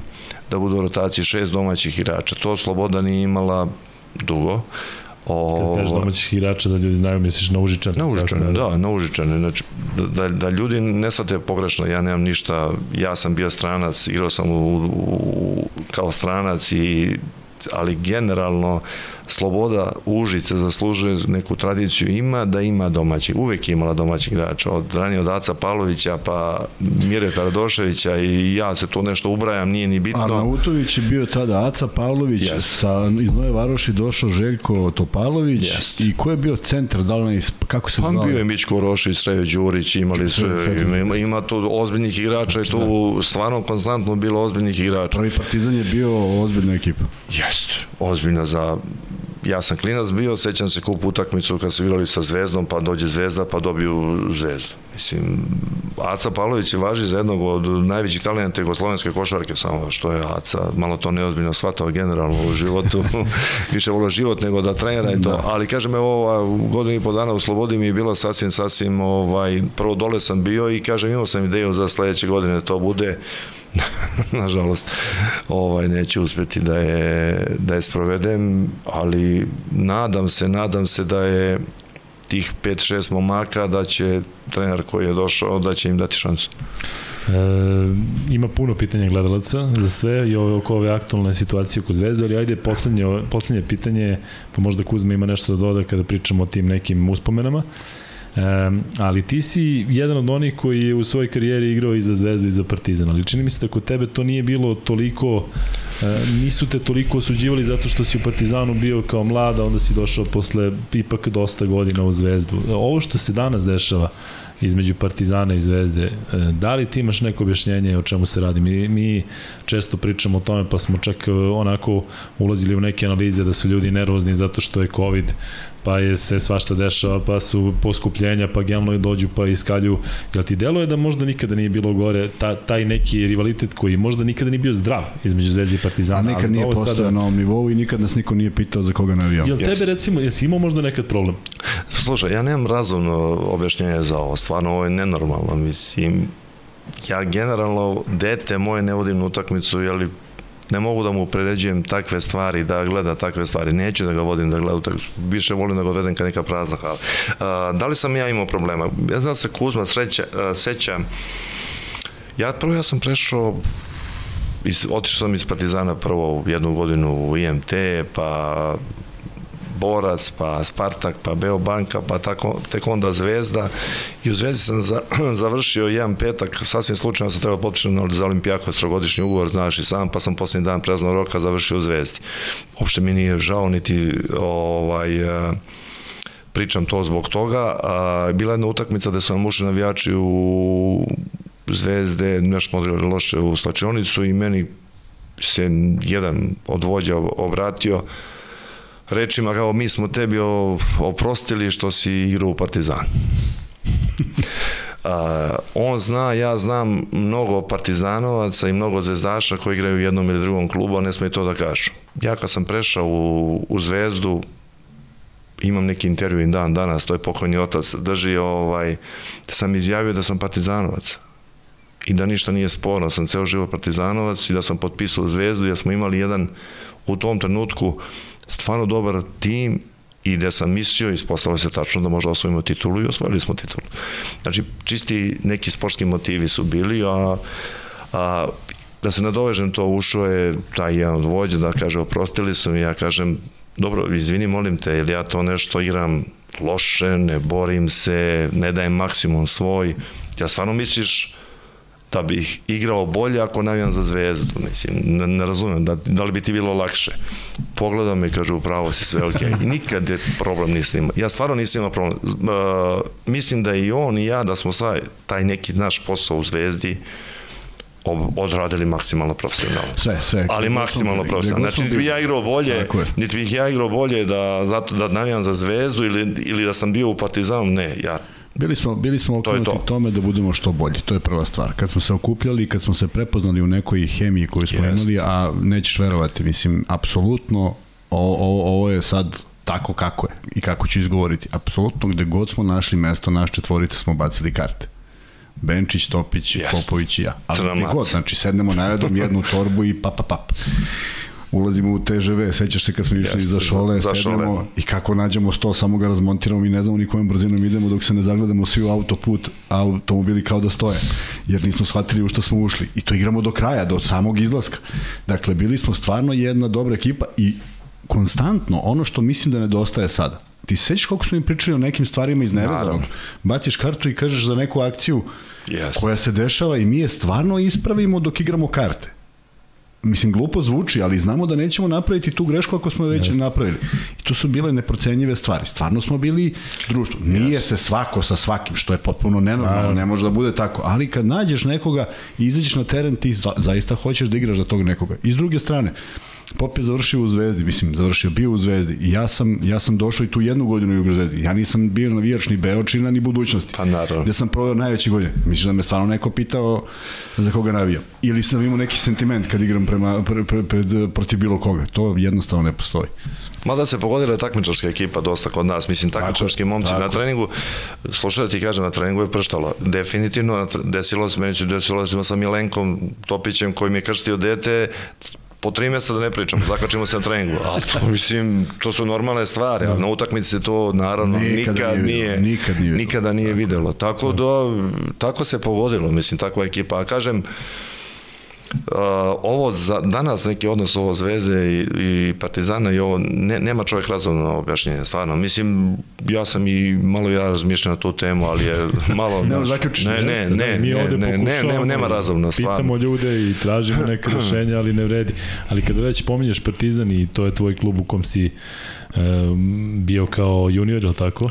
Pa jes, ja sam posle 8 da. razda došao u Beograd Kako vidiš ovo danas? Eto, pričao si kako si sa Željkom Bradovićem pričao, koliko ima? Ima 30 i nešto godina. ima bole I evo sada on verovatno iste te neke Luka, razgovore. Sad moraš baš tačan broj godina.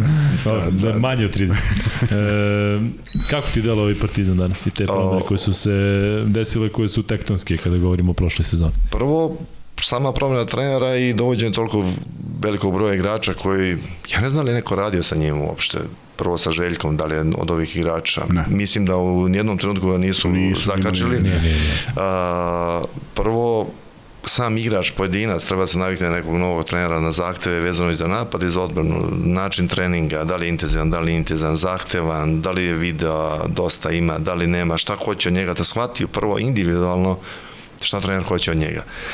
Pa tek onda pričamo o grupi igrača, koliko ih je novih, ne znam nija, koliko ih je, da to, mislim, ideja nekog trenera je, tako, da tih 12 momaka dovede na neki nivo da slično razmišljaju. Naravno ne mogu isto razmišljaju, nerealno da različiti mozgovi 12, ali da slično razmišljaju i da shvati da shvate u stvari šta trener hoće od njih. Nije to lako za tako kratak period, pogotovo što za moj ukus je bilo previše stranaca.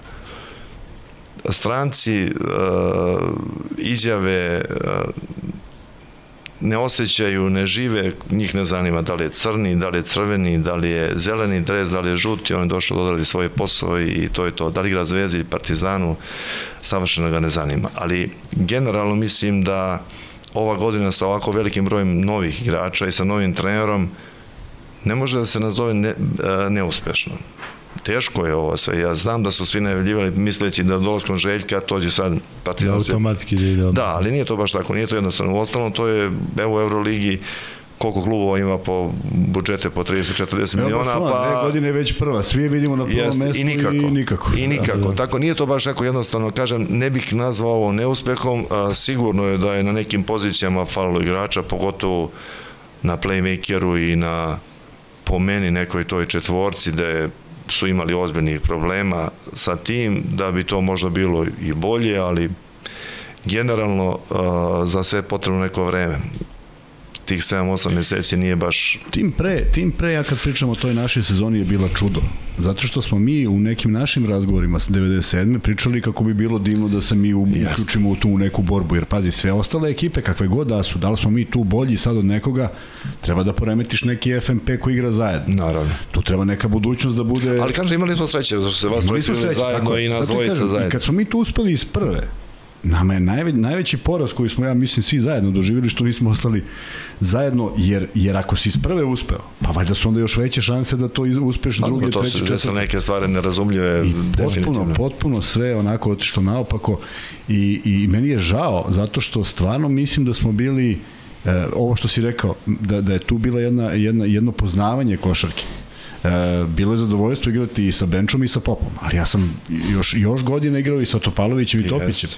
Ti sam znaš kako je bilo igrati u Beobanci sa kad imaš u pozadini igrače koji znaju košarku. Bio je tamo Stragi, bio je tamo Šara. Bio, naravno, naravno. To, to je plejada igrača koji imaš poverenja, koji su edukovani. I sad ti kad imaš, uh, ovo, ovo mi je bila misao, koliko nedostaje vremena za trening. Mi smo ponavljali jednu te istu stvar, pa smo ponavljali, pa smo ponavljali, pa si naučio, hteo, ne hteo. U ovom sada... sklapanju novog tima, on čak nema ni toliko treninga, da, da, da, a ne, sad kad bude Euroliga, još manje treninga za novu ekipu. Pa dobro, ovaj, ovaj sam izjavio, ovaj Letonac, on uopšte ne razume šta Željko pa hoće od njega. Mislim, je. Tako je. Ok, svi će kažu, pa dobro, njegovi izvore, on ga je dove, Željko ga je dove. Pa ok, jeste, ali koliko puta trener Naravno. dovede igrača pa omane, ne, mislim, nije to, nije to baš realno. Desetoricu novih. Da, ali naravno, sigurno su bili naravno. pedantno, u smislu da stvarno ništa nisu prepustili. Da, I eto, i, i tako ne možeš da dobiješ... Pa jeste, kod njega kad pogledaš, on je sve, sve što to, treba. Pa, tri, četiri pravi, znači ono što treba, znači ima o, ruku, ima sve. Ali... Ono što ja pamtim, pošto si pitao kakav sam ja bio, ono što ja pamtim od Popa i kad je igrao protiv i kad smo igrali zajedno, kad smo igrali zajedno nije mi smetalo. Ali kad, kad igraš protiv, uh, on kaže bio si brži. Uh, mislim da je Pop uspeo da nađe matematičku formulu kako sa tačke A do, do tačke B dođe u najmanje korak. Pa, ja. Zato što nije mogao da koristi svoju brzinu. To je kad pričamo o Dejanu Davidovcu. Da pominje ovo i ranije, da znaš. Pa ne, ne, ne, okej, okay, da, da, da, Tebe da. Zato što mi uvek bilo, vidim ja da sam prošao, ali on je tu. Hm. A kako je tu, ja sam posle gledao, mi stvarno smo dosta gledali kasete yes. i kod Bute i kod Darka, nije to bilo prepušteno u slučaju svi spavamo, nego baš gledaš. I vidim da on uopšte ne koristi onu putanju koju bi ja koristio, nego jednostavno da bi uspeo bilo šta, on je navikao svoj pokret, potpuno ide u jednom drugom pravcu i ti koliko god da si sam, kako se digneš da šutneš, on je tu negde sa svojih dva i nešto. Pa dobro, dva metra kad imaš malo lakše Nisi ti skakao, da, ali nisi ti skakao i lupo banane. Ali on je tu, on ti je, on ti je na šutu odjednom, a bio si ubeđen da si, da si otišao. To, ja. su, to su te neke prednosti. I molio kada... sam samo Boga da igrač koga čuvam ima nešto, jedno da ima, znači ili šut ili ulaz, znaš, ono kad ima ovo je u problemu sam, u problemu sam. Da. Ne, ozbiljno, pa da, fizički, jednostavno ja nisam mogu na tom nivou da igram fizički odbranu, znači nije realno, ok, po visini da. E, mnogo pitanja ima, ali ja hajde, da krenemo sa ovim što je najbliže, eto, možemo da pitamo tebe, Olivere. da, ima koliko hoćeš, dakle, da. ali se uglavnom bave zvezdom i šta se to dešava sa pa, zvezdom, pa ću onda pokušati da izvučem nešto. ćemo to, ali eto, rekli smo, mislim, ali ima nešto drugo. Ovo, e, kako vidite već... sezonu u Partizanu u Euroligi, kada već pričamo o ome, da meni deluje da su sada isto prevelika očekivanja, dakle, sad je Partizan otišao u Euroligu i sad odmah se priča Željkova deseta titula, još se ne zna ni ko će doći, ko će, ko će... Prvo, ne zna se ni ko ostaje, ni koga dovodi, a, druga stvar, juče pročitak da je neki budžet 7,5 miliona, ali tako minimum neki koji moraju da. da imaju. E sad, ljudi, ako to bude 7,5 miliona, igraju protiv ekipa koji imaju 20, 25, 30, 40, 40 nemam pojma a nemaš, više. A nemaš osnovu. Upravo Partizan to. trenutno ima šest solidnih igrača koji bi trebalo da ostanu, tako ja gledam. Jest. Ako ne računamo, ne, čak računamo i Pantera i Ledeja. Dakle, šest. Ako ostanu. Ako ostanu. Ako, je, ako ostaje 8, opet treba da dovedeš 4 dobra, ali yes. ako je 6, to je skoro ceo, ceo tim. I sad ide, ide taj hype, ušli su, to je divna vest ali ja mislim da niko sjajno, ne svata, naravno, da, ali naravno. ja mislim da niko ne svata u kojim su ovi problema, jer sad treba sklopiti yes. opet nešto što treba da igra na višem nivou Pa dobro, Kuzma, Srbija, mi smo takvi, no, mi, mi naravno, očekujemo šampioni, uvek očekujemo ne, najviše Drugi ne postoji. Ne, ne postoji i za reprezentaciju i za klubove. tako, tako da kažem, neće im biti lako, mislim, sigurno nećemo biti lako. Naravno, on to vrlo dobro i zna da sklopi ekipu, da bude pa, nemam pojma, da može da se nosi s ovim ekipama Mislim, i Zvezda se ove, ove godine nosila jako dobro, sa dosta manjim budžetom, sa dosta ekipa iz Evrolige. Sigurno će to i Partizan raditi sledeće E, samo treba godine. takvu, takvu ekipu napraviti da može to da radi. Jest, tako jest. E, Kuzma, pitaju ko i zašto ruši Zvezdu? Tebe. Da li se priprema možda teren da, da ode Čović? Postavljam ti pitanje Vidi, koje je Ja isto čitam što i ti momci nemam nikakve insajderske informacije. Meni samo ovo sve jako čudno deluje zbog, kažem, svega što se dešavalo. Očigledno postoji nešto, ne da mislim da se neko tu, da neko neće da, da, da Čović neće nešto da uradi jednostavno mislim da ima nešto iza o čemu ćemo vratno čuti u narednom periodu, ali prosto ogroman odliv igrača a nismo čuli još... Da, sa, samo četiri igrača ne pominju tako je, da, da će tako otići. Četiri. Tako je, četiri. To je mnogo, jer da si me pitao pre yes. 20 dana šta bi očekivao, pa ok, ako Kalinić dobije ugovor, ok, Volters, to su dva, da, Cirbes, samo četiri ne se ne pominje. Znači, bilo je 9-3, a sada je 4-8, znaš, yes. to, je, to je ozbiljna razlika. Evo vidiš kao ljudi imaju sada ovde... Uh razmišljaju na ovaj način. Dakle, ako su Jenkins i Kuzmić otišli u FMP, to je onda možda znak gde se nešto dešava u zemlji. Možda se pravi neki backup tamo, da, vrlo je moguće da se nešto dešava tamo. Da, ali, viš, ja recimo ni u jednom trenutku nisam to gledao tako da... Mi to kroz glavu, ali kažem, e, e, e, na, na sve što smo gledali, zaista ne bih mogao da verujem da može da dođe do nekog, do nekog ozbiljnijeg poremeće. Poremeće, da, tako je. Da da ne govorim nešto drastičnije. Zaista ne bih volao to da vidim jer je uloženo sve je bilo na ivici rata da bi se da bi se prosuo. Ako je to onda onda nije vredelo. Da li pritom je uzeta Uzeti su, uzete su sve titule? Pa to onda treba bude obaveza. Te Tako tri je. treba budu obaveza da kažeš, ok, za ovo sam se borio zato što ću sad ovo. A ne, mislim da to nije bila namera. Mislim da je to bio, to je bila energija koja je bila na završetku ligi da se sad unazad nekoliko dana nešto dešava, jer samo pre 7 dana smo videli dva nova pojačanja i niko nije pričao ništa ni o čemu. I odjednom se dešava ovo sve.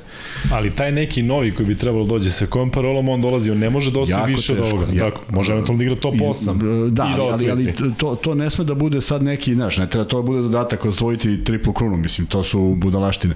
Ali taj neko ko dođe zaista može da ima ili otežan posao u smislu kvaliteta tima, ili nedostatka rezultata, jer sve u odnosu na ovo nije rezultat, ali ako iko pođe s takvom pretpostavkom, onda bolje da, da se ne bavi više. Da, Kozma, ali merilo ne mora da bude samo rezultat, naravno, tako i rada naravno, trenera i absolutno. samo kluba ne mora da bude, da bude to. Svuda postoji, da. neki, svuda postoji neki, neki, neki moment kad napraviš reset. I sad, kao što je Radonjić došao u svoj prvoj, uh, prvom, prvom dolasku, ajde, ako postoji sad neki trener koji će dobiti neki pro, proces, ok, ajde da vidimo kako to izgleda, ali nije mi tako delovalo pre 20 dana.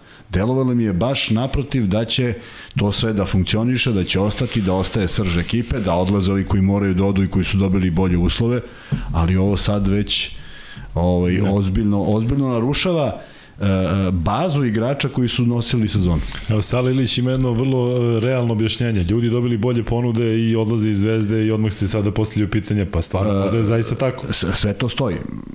Vrlo je moguće, ali vidi, nije, ne, ne, ne, nešto mi nije u redu sa Dejanom Radonjićem, jer navodno je bilo, ne mislim da nešto nije redu s njim, nego ne pije da, vodu. Da, da. pa do, da on je navodno do 30 dobio, da, 30 jest, dobio rok da se izjasni. Ali, ali da. to je odjednom podignuto na neki nenormalan nivo.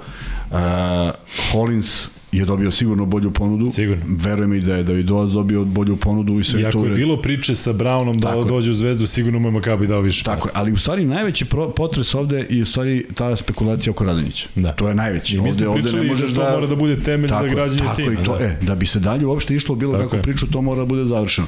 Ok, doći će i taj 30 ja bih zaista želeo da on zadrži taj, to mesto, zato što onda na, na krilima toga od ovog prošle godine ti praviš sad neku ekipu i sad ti okupljaš neke nove igrače. Jer vidi, sada dođe kogod da dođe, ne mogu da pretpostavim. A kad bi došao neki novi trener, pitanje je kakav on odnos ima sa pojedinim igračima koje može dovede. Ako je neko veliko svetsko ime, možda će uspeti i za manje para, ali nema baš toliko slobodnih trenera da ti može se Uh, da vagaš tako i da gledaš da li će to da se desi.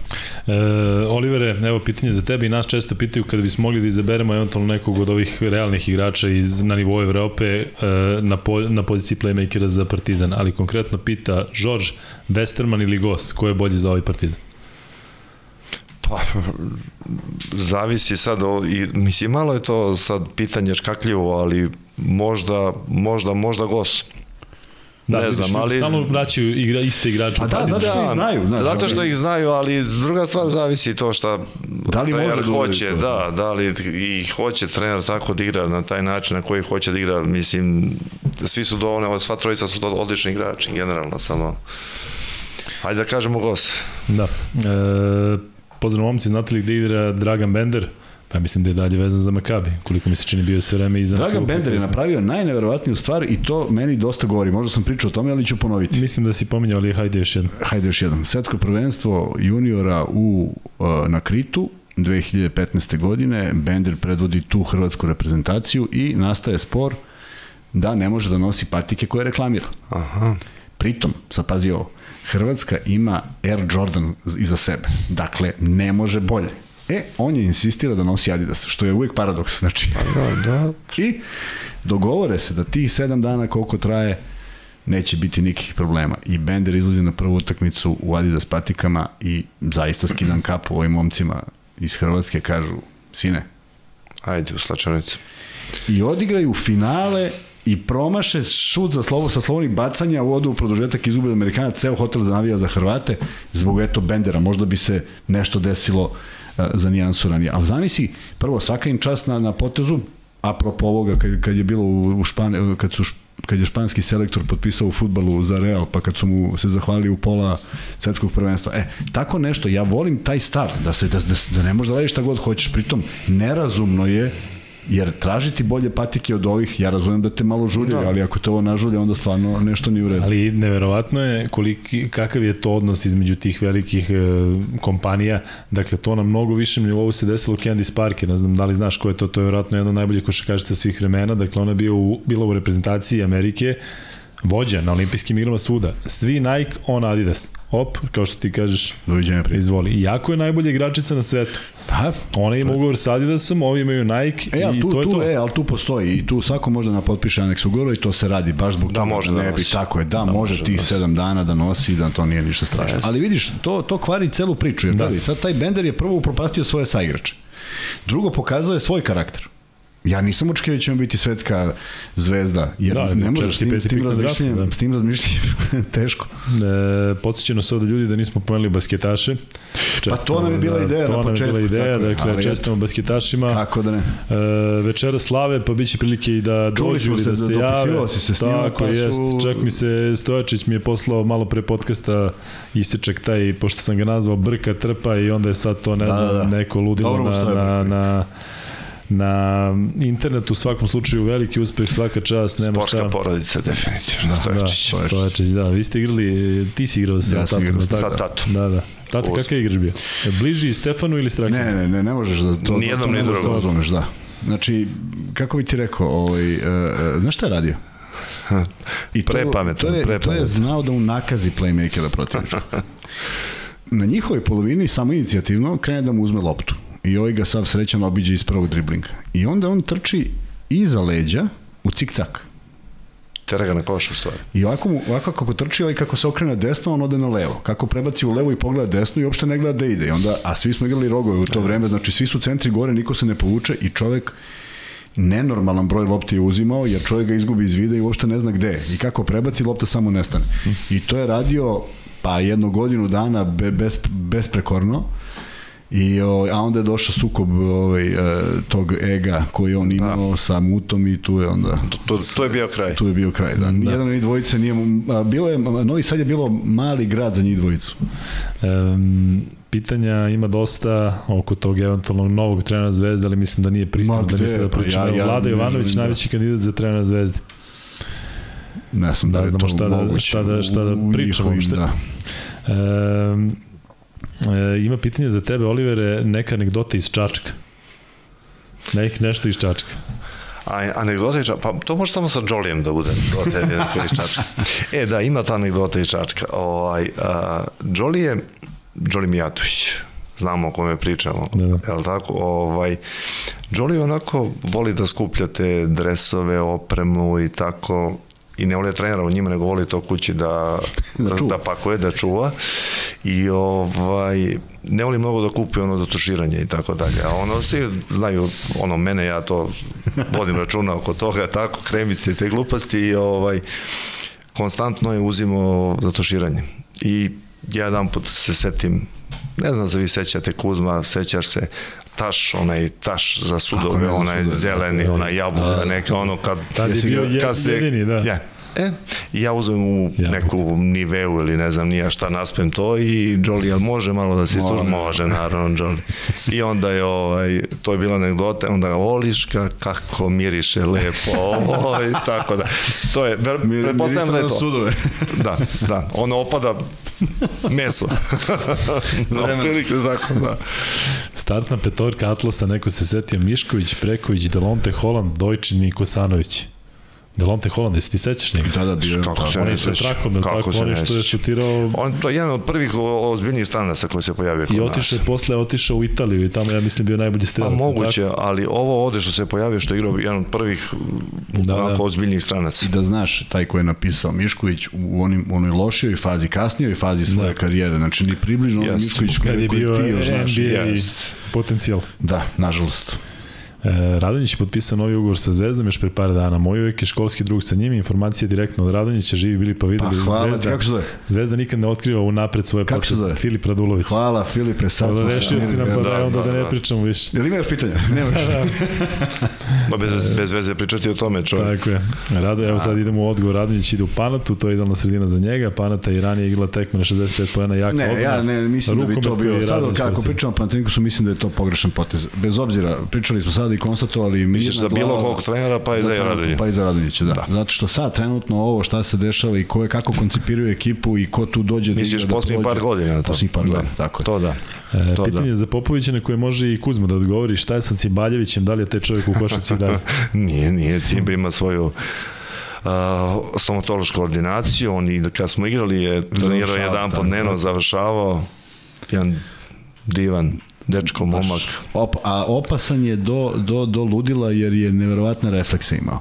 I e, Ma, sjajan, važilo, je, sjajan. važilo je da ako uspeš da dodaš u zoni loptu pored Cimbe, odmah u utakmici ti dođe. Sjajan, sjajan. u utakmici ti dođe lako. Kakav mu imidž danas? Jel, jel, Isti. sličan ono? Ja mislim da je Cimba Ja ga dugo isti. nisam vidio. Ja sam ga video negde na ulici, samo je mahnuo, isto izgleda. Mislim, da, da, potpuno identično. Traka? Nema traku, samo nema kosu. Nije, ne idem na, na ćao. traku. Zapravo su isto nasmejano onako.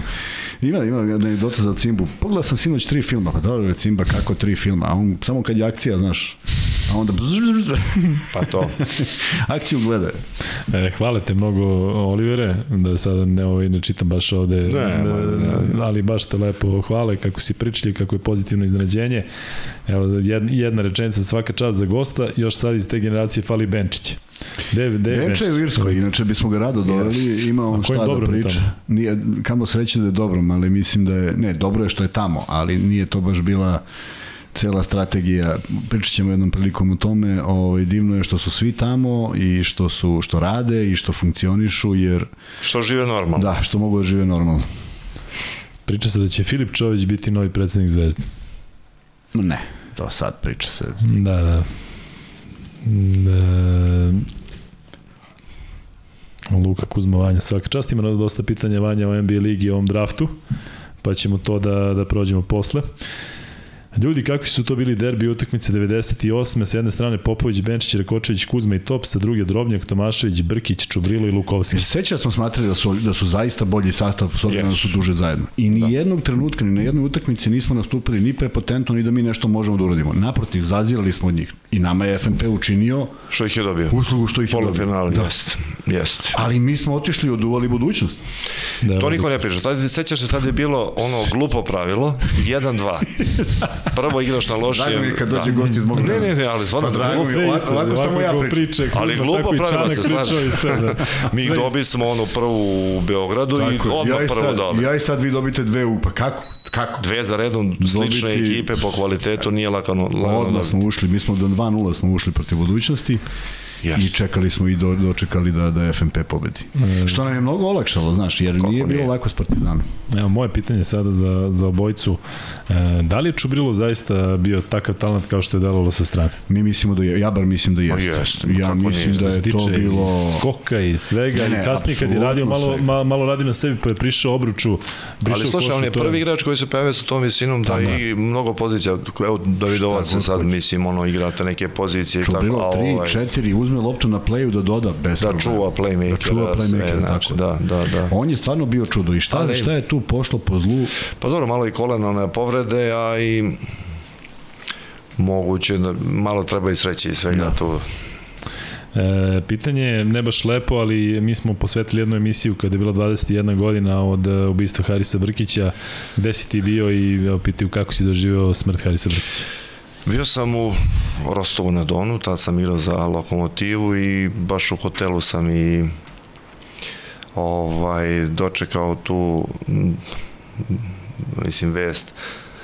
A, da katastrofa, da, šta da kažem osim katastrofa, ovaj Haris i ja smo bez obzira što on igrao u Partizanu ja sam u tom trenutku bio u Beobanci dosta izlazili, družili se Stragi, on i ja, tako baš i Mića Berić igrali jedan pred drugog, oni ja smo i, ne znam, ljudi sećaju, pamte to moju godinu, prvu u Borcu i Čački, igrali drugu ligu zajedno, smo igrali drugu ligu u Borcu i Čački, godinu dana on je bio potpisao za Partizan, pa su ga pozajmili njega i Zvonka Mihajlovskog, tad je bio mali Mihajlovski u, u Čačku, pa kako sam mogao da primim tragedije, naravno, mislim. Da, stvarno strašno. Mi se uvek e, gledamo da se često podsjetimo i njega i bilo je mnogo gubitaka i u poslednje vreme, da. ali... Takav momak, takav igrač, mislim sve u superlativu. Da. Luka, da li smeš da kažeš ko je bio bolji igrač Pop ili Kuzma? Ko je bio bolji? Pa, nije, pa mi smo različiti igrači. Prvo, nešto je pozicija, drugo, jer stvarno veruješ da nikad nismo razmišljali, mislim, mi ja. ekipe. Da. A, a, a, trudili smo se da se da se nametnemo na jedan jedini mogući Ma, način da igraš nešto dobro, ali koliko minuta dobiješ? Pa Kuzma ja... igrao na poziciji 2, nekad i na kecu, Kuzma igrao s loptom više nego ja, tako da nije to uopšte nešto... Ali sećaš se kad smo se našli uh, All-Star meč, na primjer u Leskovcu, mislim da smo igrali zajedno i sad zamisli ja, Grušanović i Popović. U Šapcu. Da, u Šapcu, je li tako? Ej, ja kako ne znam gde, šta s loptom, ja u ćošak pop, ali posmo se zezali. Pa dobro, to je okej, okay, da. Znaš kad prepoznaješ e, mesto gde možeš da dodaš loptu, a tamo postoji čovjek koji zna da je to mesto. E, to je, to je ono što o čemu pričam da smo bili edukovani za, za, za, za, yes, za košarku. Ja, imamo ti mlađim kategorijama dobro i trenere. Bre, divne, no, upravo to, to. Upravo to. E, kad smo u mlađim kategorijama imali Žiku, Ranković, to je bilo fenomenalno. Čovjek nam je dao uh, sedam levih i sedam desnih identičnih akcija i mi smo dobili nervi slom. Jer sad treba da ih ponoviš prvo. I onda je do, uh, završili smo, je pitao, je li to gotovo? I mi smo rekli, jeste, Žiko, samo da ne ponovimo još jednom. A on kaže, e vidite ovako, sutra kad ne budete znali šta ćete da uradite na utakmici, a vi postavite jedno. Jer nam je dao slobodu igri upravo ono što sam ja posle dugo godina, što sam osetio u BFC-u, a narečno je osetio u Zvezdi jer je došao malo veći miks, da smo mi poštovali jedni drugi. Znači nismo trčali kao gde je lopta, ko je šutnuo, ko je šta uradio. Prosto igralo se. E na tom nivou je bio Partizan koji je imao u igraniju ekipu pre nas. E, pitanje ima opet dosta oko Zvezdi i evo sada pišu, pišu odnosno pitaju Zvezdan Mitrović, Olimpijević, Tomić, Pešić, stvarno ljudi, dakle možemo sada da pričamo. možemo sad dakle, da, da, da, ali hajde da sačekamo šta, ako je čovjek napisao malo pre da je... Da, je, da, da je ujak rekao, je. ako je ujak rekao. Pa dobro, ja mislim da je 30. rok da odgovori. 30. rok, četvrtak, pa da, nema tu sad... To je to. Dajte da Kuzma okrene doktor Čović da nam svima olakša život. E, to vidiš. Evo, ćeš uživo da probaš sada da vidiš. Kasno. E, boga mi, boga mi, ono, jednom je tako je bilo za trenera kad smo bili u Zvezdi. Da li ovaj, da li izabrali smo ovoga, da li smo pogodili sad Kuzma, ne znam, s ove distance ko će znači, nemam pojem. E, Oliver, koji je teren van Beograda bio najvreliji u Winston Juba ligi? Pa, definitivno Cetinje i Podgorica. Da, pa nema šta. Mislim, a, realno pričamo, da, ali... A u Srbiji? Ili ima nešto da se izdvajalo gde isto bilo to pljuvanje pa, i svega i svačega? Pljuvanje uvek ima. Kraljevo, pa mislim, realno, jest. Kraljevo i u Čačku i jednostavno ima mnogo tih domaćih. Takve su, takve su sale. Da. Te sale u Leskovcu su... isto bilo katastrofa, mislim, realno pričam. Ja, ja pamtim čak i onu neku staru Jugoslaviju, Šibenik i Zadar, to je bilo katastrofa, ljudi, vi ne možete shvatiti šta je. u Jazinama, tako. Onda, da, u starim, onda Šibenik, ta sala a ti klinac, ne znaš šta Dve brzine semafor radi i tako. Ja sam igrao na utakmicu u Kosovu polju. Kosovu polju treba pobeda, mi smo ušli u ligu, to je prva bela liga. A bijelo polje, izvini molim te, ovo bijelo polje. I mi smo imali situaciju, moramo ovo da kažem, kod nas slušaj. Uh, Spartak igra protiv uh, bijelog polja, Tarzan je tad predsednik u... imamo kontru na veoma aktivan rezultat u drugom polovremenu, pada mrtva ptica iz, iz Izgledališta. izgledališta. Crni Dimitrijević prekida, I kaže lopta sa strane. lopta sa strane, mi ne damo koš, naravno, iz toga konta. Eto, recimo, Nema, to je bilo, to je bilo, bilo. piše. Ljudi Ako- to ne mogu da Ako mrtva shvate ptica kako- uleti, prekida se ali, ali recimo, Kuzmo, nikad nismo imali problema na Cetinju, recimo, ja konkretno, nikad, apsolutno, jeste vruć teren i sve, bio sam izbio Ne, bankom ne, i sa zvezdom, ja nikad nisam, Samo je ludilo budućnost, uh, Jest. budućnost Slovaća. Samo je to ludilo. Nikad, Inače, Podgorica, da, nikad, nismo da, mi da. imali nešto sad tu problema, apsolutno. Kažem, ovo se desilo, nema veze sa nas, našom bezbednošću, nego je to tako scena. Nego tako, tradicija. Pričamo o, o, o, o, o Winston Jubo ligi, da. Da li Popović igra u Beobanci sa Stragim i sa Glintićem i kako bilo igrati sa njima? Jesam. Sa tako? Jesam, druge godine sa Stragijem, a posle sa Glintom kad sam se vratio. A, ljudi, vi ne možete da shvatite koliko je Stragi, ja si njega zakačio, verovatno, ne znam da si ti njega. Ne, ja sam igrao stalno protiv njega. Ko, ko, je to, ko je to nivo košarkaške inteligencije? Da. To, to, to ljudi ne mogu da shvate koliko je on sve znao i kako sam znao o svakom trenutku i gde će da bude i šta će da uradi, pritom imao je smisla, imao je šut odličan. Glinta je shvatio malo kasno kako treba da trenira. Moj drug, ja ga volim, ja ga obožavam. Uh, od, zli- odličan, zli glik, kako yes, od, zvali. odličan, odličan igrač. Uh, Pa on je u Partizanu imao jako dobre te sezone. On ima jedan problem samo što je mislio da iz Partizana treba da ode opet negde u mnogo, mnogo dobar klub, pa je odbio neku tu Poljsku, pa je nažalost završio Da. u Rumuniji, ja mislim, ili tako nešto. Da. Ali jedan i drugi stvarno baš, baš, baš prepametni i, i ta košarkaška inteligencija na veoma visokom nivou. Ja, ali vidi, pričali smo sa Čankom koji je bio u, u Subotici počeo da bude ona četvorka koja pravi razliku, pa je to Yes. bio Milenko Topić, pa je to mogo Stragi, doduše ne za tri, ali sa polu distance. Dobro, da, Međutim, sad- Glinta je još viši od svih njih. Znači, Glinta kad uzme šut, nema ko to da blokira. Ja dugo Nema- nisam nema- vidio tako dobar šut. Je li tako? Da. Ne, neverovatno. Savršen šut, mekan, a on ima dva, dva 80 kad digne ruke. Dakle, stvarno, ako si na ogromno. po, i to sa posta. To je bilo ozbiljna, ozbiljna ovaj pretnja. E, Samo neka snaga, samo fizička snaga i, i, i malo više hrabrosti mu je nedostajalo. E, Kuzmo, da li se slaže da će Crvena zvezda imati problema iduće sezone ako odu svi ovi domaći igrači, jer ova se domaćih igrača je pravila prevagu u, veči, u, u večitim u, u utakmicama sa večitim vjerojatno smisli, pogotovo ove sezone. Upravo tako. Ja inače mislim da neka baza koja postoji i koja postoji kao baza i sad ako, ako a, e, ne mora nužno budu domaći igrači, ali neka baza koja zajedno jednu, dve godine sigurno daje Pa dobro, Kuzma, ali to je ove godine bila prevaga Zvezde. Je odnosno prevaga. Partizan, mislim, definitivno domaći igrači koji igraju malo već neki period Sigurno, duži sigurno, zajedno. ali hoću da. kažem, na primjer, bio je taj neki Nelson, bio je taj neki Jenkins koji su se poistovetili sa ovim, pa ti onda sve hoću kažem, ne mora da bude nužno No, domaći, da, da, da, ali je da. bitno da je, da je on tu već godinama. E, Yes. to je Zvezda, Zvezdina bila prednost, čak i Pa oni dobro, oni su igrali kao domaći igrači. Igrali kao domaći, pa imali su i pasoš, baš i briga. Jeste. Ljiljana Nešković kaže, Divac Đorđević, Paspalj, cela startna petorka na klupi zbog pet ličnih i uleće mladi Palavušane je. da okriče zvezdu, zapamtila ga i zvezda. Ko je to?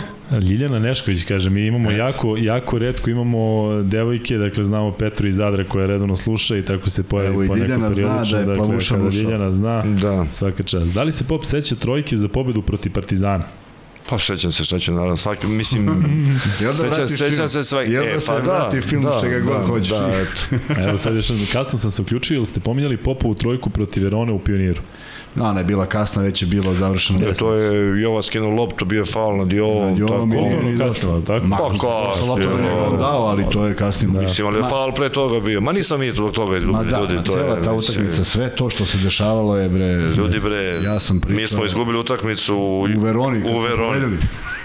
Znači sve tamo što nije valjalo, ljudi promašili otvorne šuteve, sve su nam pogodili u pioniru. Znači, Vekio naš utakmicu, da, jeste, naš utakmicu kad igraš, uh, on non stop je od 4 do 8 razlike, 10, ne možeš i, ne možeš da ih spustiš ispod 4, eto to je to.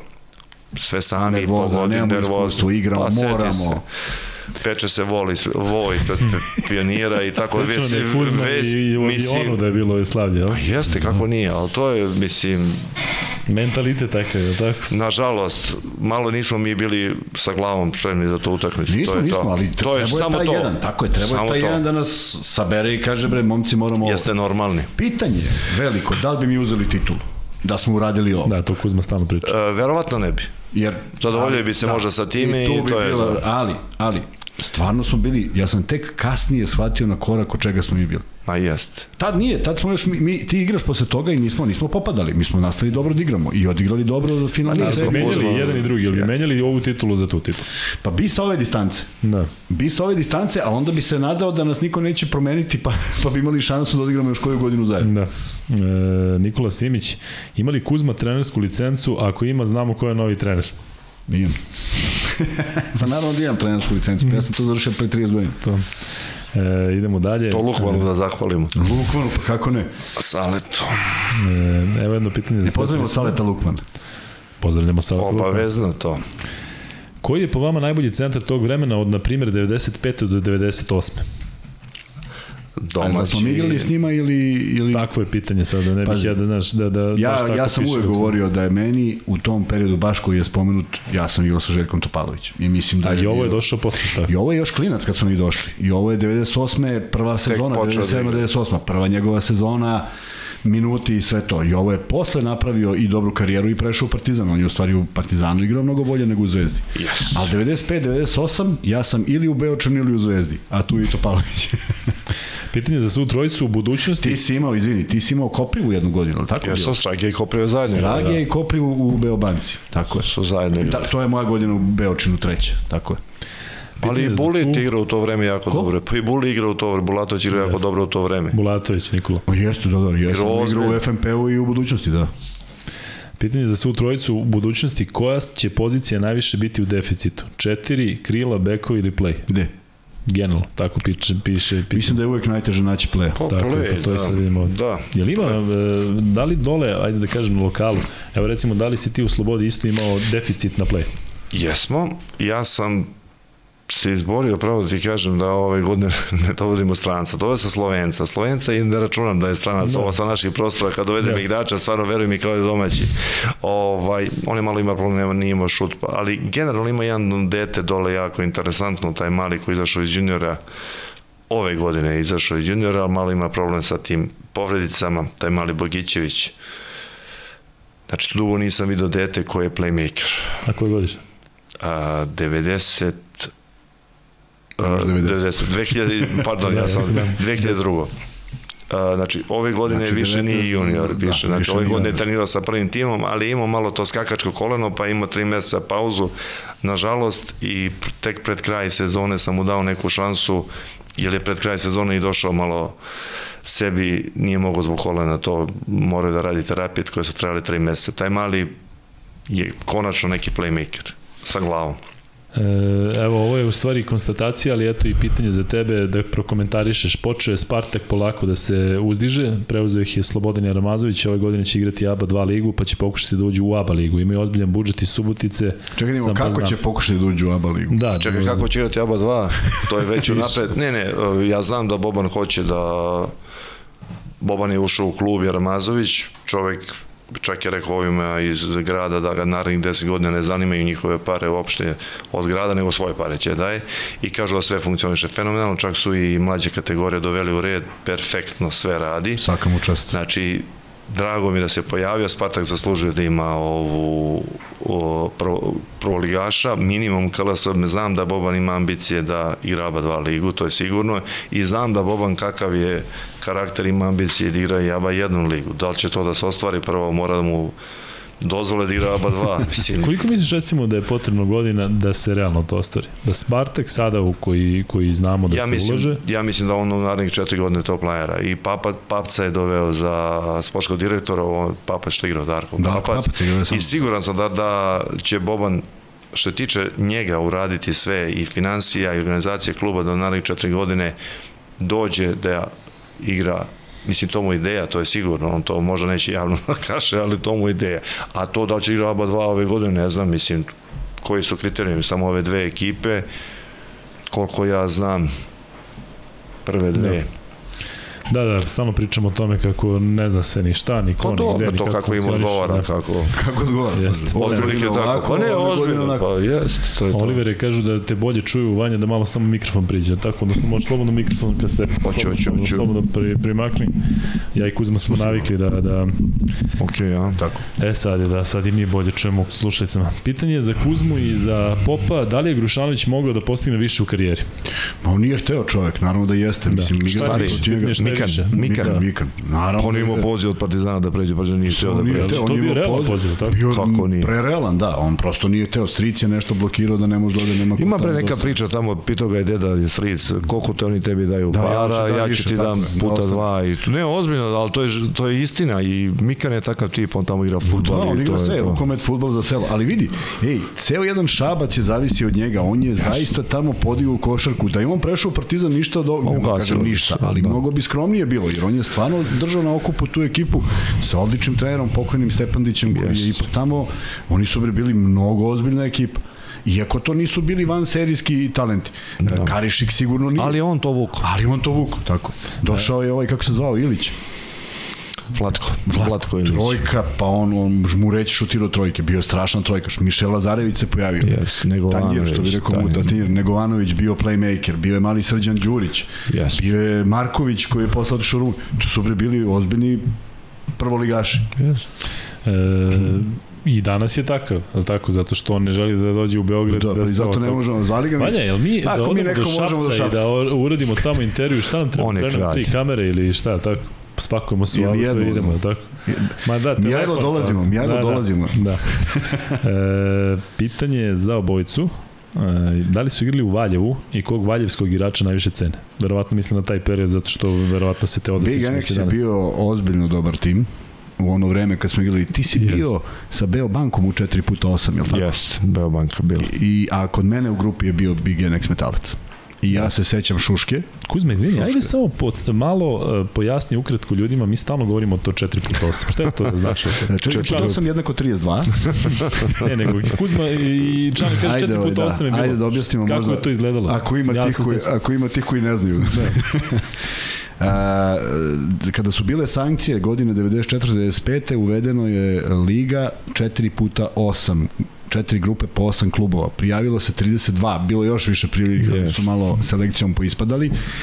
Ideja je bila da to budu četiri divizije iz koje ne ulaze prva dva, nego ulaze najbolje timovi sa najboljim procentom. Dakle, možeš da budeš drugi u svojoj grupi, ali da imaš isti broj poraza i pobeda kao i prvi i, ili kao i treći i ne ulaziš, nego samo veliki broj pobeda. Iz naše grupe smo ušli samo mi, a mislim da je Beobanka bila u užasno teškoj grupi, ušli ste među tri. A, vi ste dobili Kolubaru u Lazarevcu gostiva i mi smo ušli. Tako je. Ali nismo bili sa vama u grupi. Niste, nego smo je, to, nego je to uticalo na... Ali nam je bilo bitno da dobijete, da mi vi, dobijemo. vi ste dobili. Eto, to je to. Ako sećaš je neki, nekog momka su nožem u boli, E, nešto, i to, je bilo ta utakmica. U, Da. Na terenu. U Znači, Lazarevcu. toliki je bio hype, toliko je bilo ludilo, tamo je bilo 100.000 ljudi, pritom stvarno uh, bili smo mnogo bolja ekipa, nije, nismo bili ravnopravni. Da, ali njima je trebalo, A njima je trebalo i računali su da će oni. I znaš šta mi je žao? Bio onaj strašan jedan igrač, čije sam ja prezime zaboravio, što mi se redko dešava. Igrao na poziciji beka. Jako onako, malo podsjeća na Rajeta Milutinovića.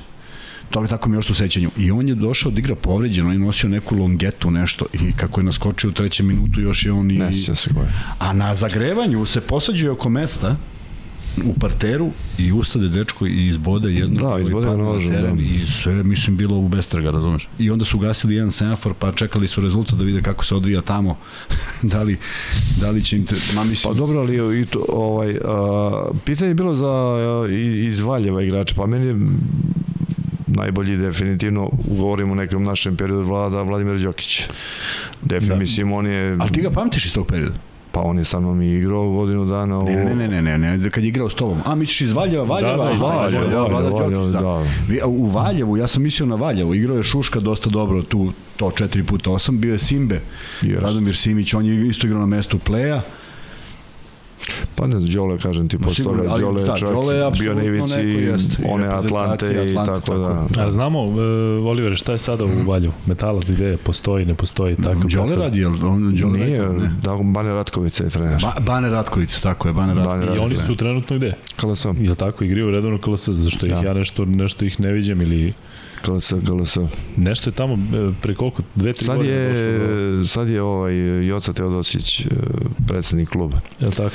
Jeste. Da, Đukanović imali ikakve veze igde. Izašao je on i doktor i on i ovaj Šuška je izašao tako da i oca grad ih sponzoriše već nemam pojma Dobro, ko. pa da se nadamo onda da će, da će da bude okej, ako je Joca ušao, pretpostavljamo da, da može da bude, da bude samo bolje, da nije ušao tek da bi... da, trebalo bi. Mišljenje o Tripkoviću, da li je on naš najtalentovaniji šuter, namerno kažem najtalentovaniji, a ne najbolji, jedan je Peđa, veliki pozdrav za goste iz Bio Vladića je Vuhana. odličan, Tripković je bio odličan šuter. Pa šuter, ako pričamo baš šuter, Baš, šuter, da. da. Lepo je to sve izgledalo Da, i dobar jeste. izlazak i dobar tajming. I Nema mnogo takvih uleti. igrača kao Da. što je on bio. Da.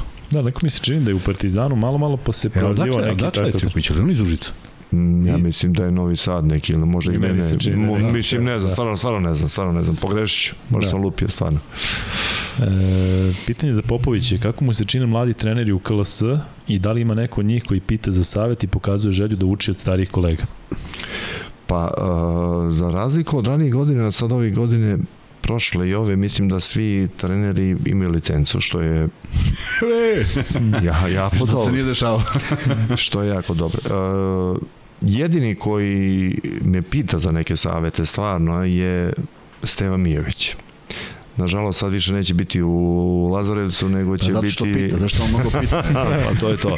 Rekli su, Ovaj, pitaš, pa sam mu rekao, nemoj to, otišao u Kragovec, ja mislim da je potpisao za neki trogodišnji ugovor. A, on je dečko koji radi sa mnom u dinamiku dok sam bio, bio je pomoćni trener i jako je posvećen i mislim da ima neku budućnost. Ima Sićko Dimitrijević, u, ima Mali Laza u Leskovcu, ima trenera koji radi onako dosta dobar posao ove godine. Koliko su oni mladi kada govorimo mladi? Govorimo o momcima koji su u 30. godinama, tako?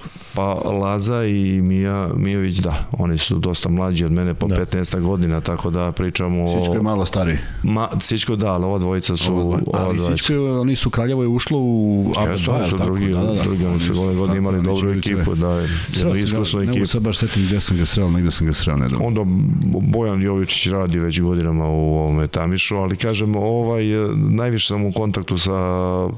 Žao mi je što je otišao u drugu ligu, treba da ostane. E, pitanje za Popa, kako vidi budućnost košarke u Evropi, šta misli koji će put izabrati? Verovatno se misli na ovaj e, odnos FIBE i Eke, odnosno... Pa ne, oni neke, neko rešenje moraju da nađu. Mislim, ovako ovo ne bude ničeg. Prvo, mnogo je utakmica, moje mišljenje u ovoj Euroliga, Euroliga je preglomazna po mome mišljenju, mnogo je utakmica, koliko, ja ne znam koliko je bilo ove godine ovih dupli kola.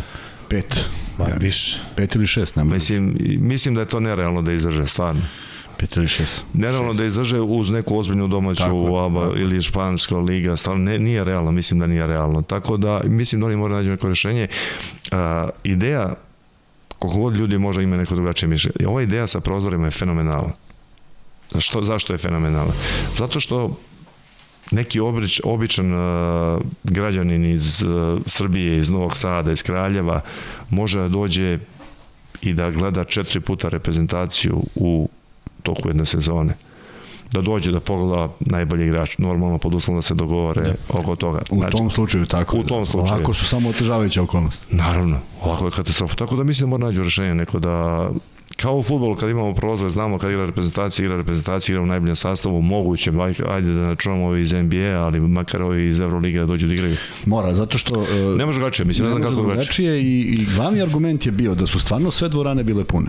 Pa jesu. Yes, da. Ali ti si ove godine imao utakmicu Zvezde Jeste. i reprezentaciju u istom Isti dan, čoveče, Ne, mislim, ne, normalno, da nenormalno, je, nenormalno. Ali kaže, neko rešenje mora da nađu, da. definitivno. E, pita ljudi za free betove, delimo free betove. Delimo. Evo odmah prvo pitanje, dakle nabrojite dva strana kluba i dva domaće kluba, u stvari dva strana kluba i tri domaće kluba gde igra Oliver Popović. Ko prvi e, odgovori dobit će free bet. Mi umeđu vremenu idemo na nova, nova pitanja zato što ih ima jako puno. E, da se priseti Milete Lisice. Mile, jedan sjajan, sjajan čovjek u, u svakom pogledu i o- ovo što ljudi znaju, što ga znaju kao košarkaša, da je to radio jako dobro, bio je privatno jako, jako, jako dobar čovjek. Ja se znam čega vam numero 13? Ja ne znam, stvarno. Nešto duže ili odjednom, ovo što Odjednom. na srce? Odjedno. Um, Kuzma, da li misliš da se ovo u Zvezdi dešava slučajno ili ne? Slični smo išli.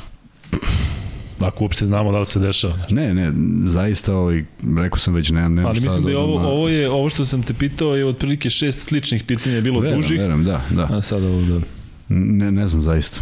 I ljudi često misle da ja nešto nijem neke informacije. Ja ili isto zaključujem po nekim uh, informacijama koje čujem. Nemam ja kontakt sa... Znaš šta, ako ovako bude, ako se desi sa Zvezdom da promeni veliki broj igrača i trenera, Partizan će promeniti, tu će najbolje da prođe ako ostane u sastavu CDVita Olimpije. Pa da, Da, da. to Oni ostanu u sastavu, mada Džeko Pulen je otišao pa su jači.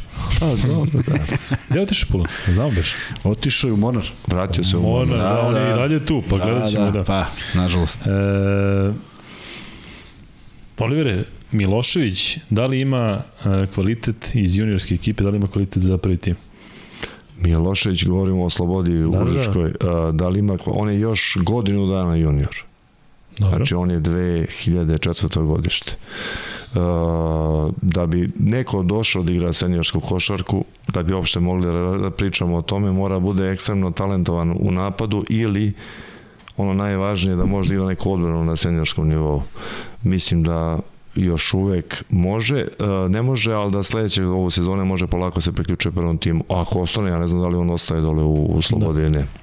Evo, Ljiljana Nešković se javlja i kaže hvala vama puno za pitanje. Ljiljana vas prati od početka. A za Oliver mi je izuzetno žao što nije u reprezentaciji završio. Puno pozdrav za sve u studiju. Eto. I Oliver znamo da šta da se radi, to je Pitanje za sve, čačansko pečenje ili čačanska košarka? Sada već ovo prelazi, prelazi Pečenje. u, da.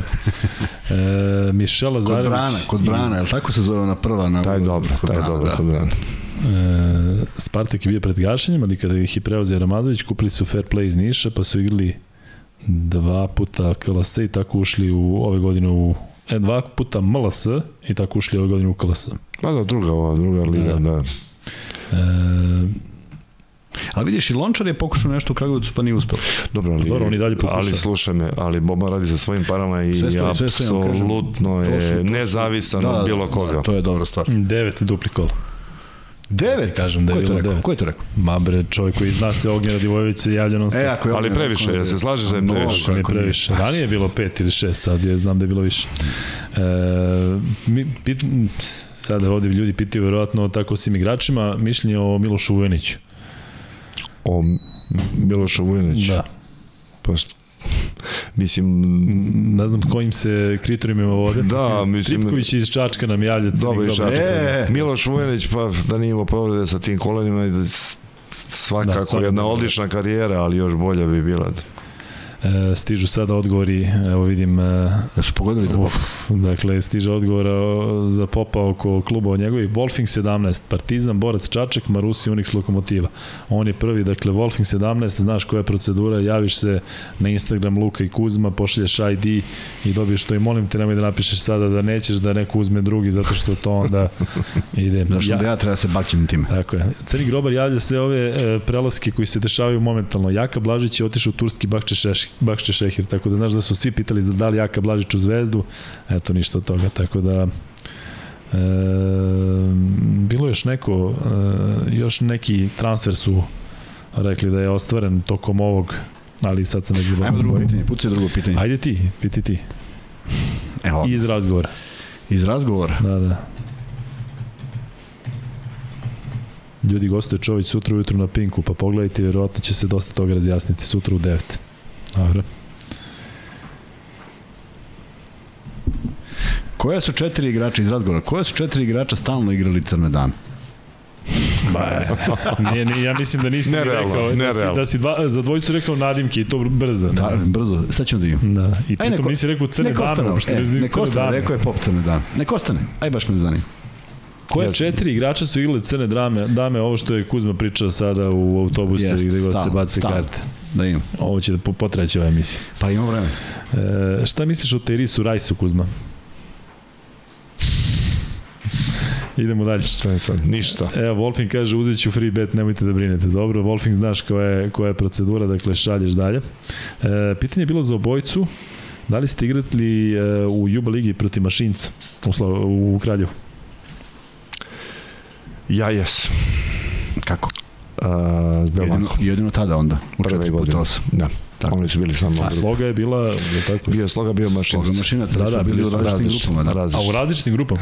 Pa Jeste. 4 puta 8, da. Če- da. To se sve razvrstavalo, Ni- nisi mogao da budeš ni iz istog grada i, i morao si neki rating da imaš. E, mnogo hvale ovu priču o Juba, o Juba ligi danas. Pa, dakle, ja sam to Popu i rekao da, da, da to vole. Da, idemo sada pitanje, baš onako prilično e, usko. Da li Nikola Radovanović, Đorđe Ivanović i Talać mogu ikada napraviti karijeru u Partizanu sa kojima imaju ugovor? Hoćeš ti, Oliver? Pa ja koliko znam, mali je Luka otišao za Ameriku, je li tako? Da. E sad, Đorđe Jovanović i, E, Nikola Radovanović. i Radovanović. Meni se taj Đorđe recimo izuzetno sviđa ta pozicija neka koju on igra tri, dobro telo, odličan je stvarno. E sad, da li će, e, ljudi ne shvataju da igranje u Partizani i Zvezdi nije samo neki talent košarkaški, nego mora i glava da bude za Partizan i Zvezdu. Mnogo ih je došlo i u Zvezdu i Partizan i otišlo. Da. A nisu odigrali ništa, a bili su onako dobar neki potencijal, mali sinovec, ne znam nija ko je već bio, tako dalje. Jeste. Tako da, meni se sviđa taj, Đorđe mi se pogotovo sviđa, a mislim da je on, dečko ima crnogorski pasoš, ili tako nešto, on nije... I meni se čini da nije... Nije, da. da, nije, nije, ali je meni interesantan jako, sad Dolić ili neće, to je rano još. Kuzma Benčić, Kuzma Popović i Topić.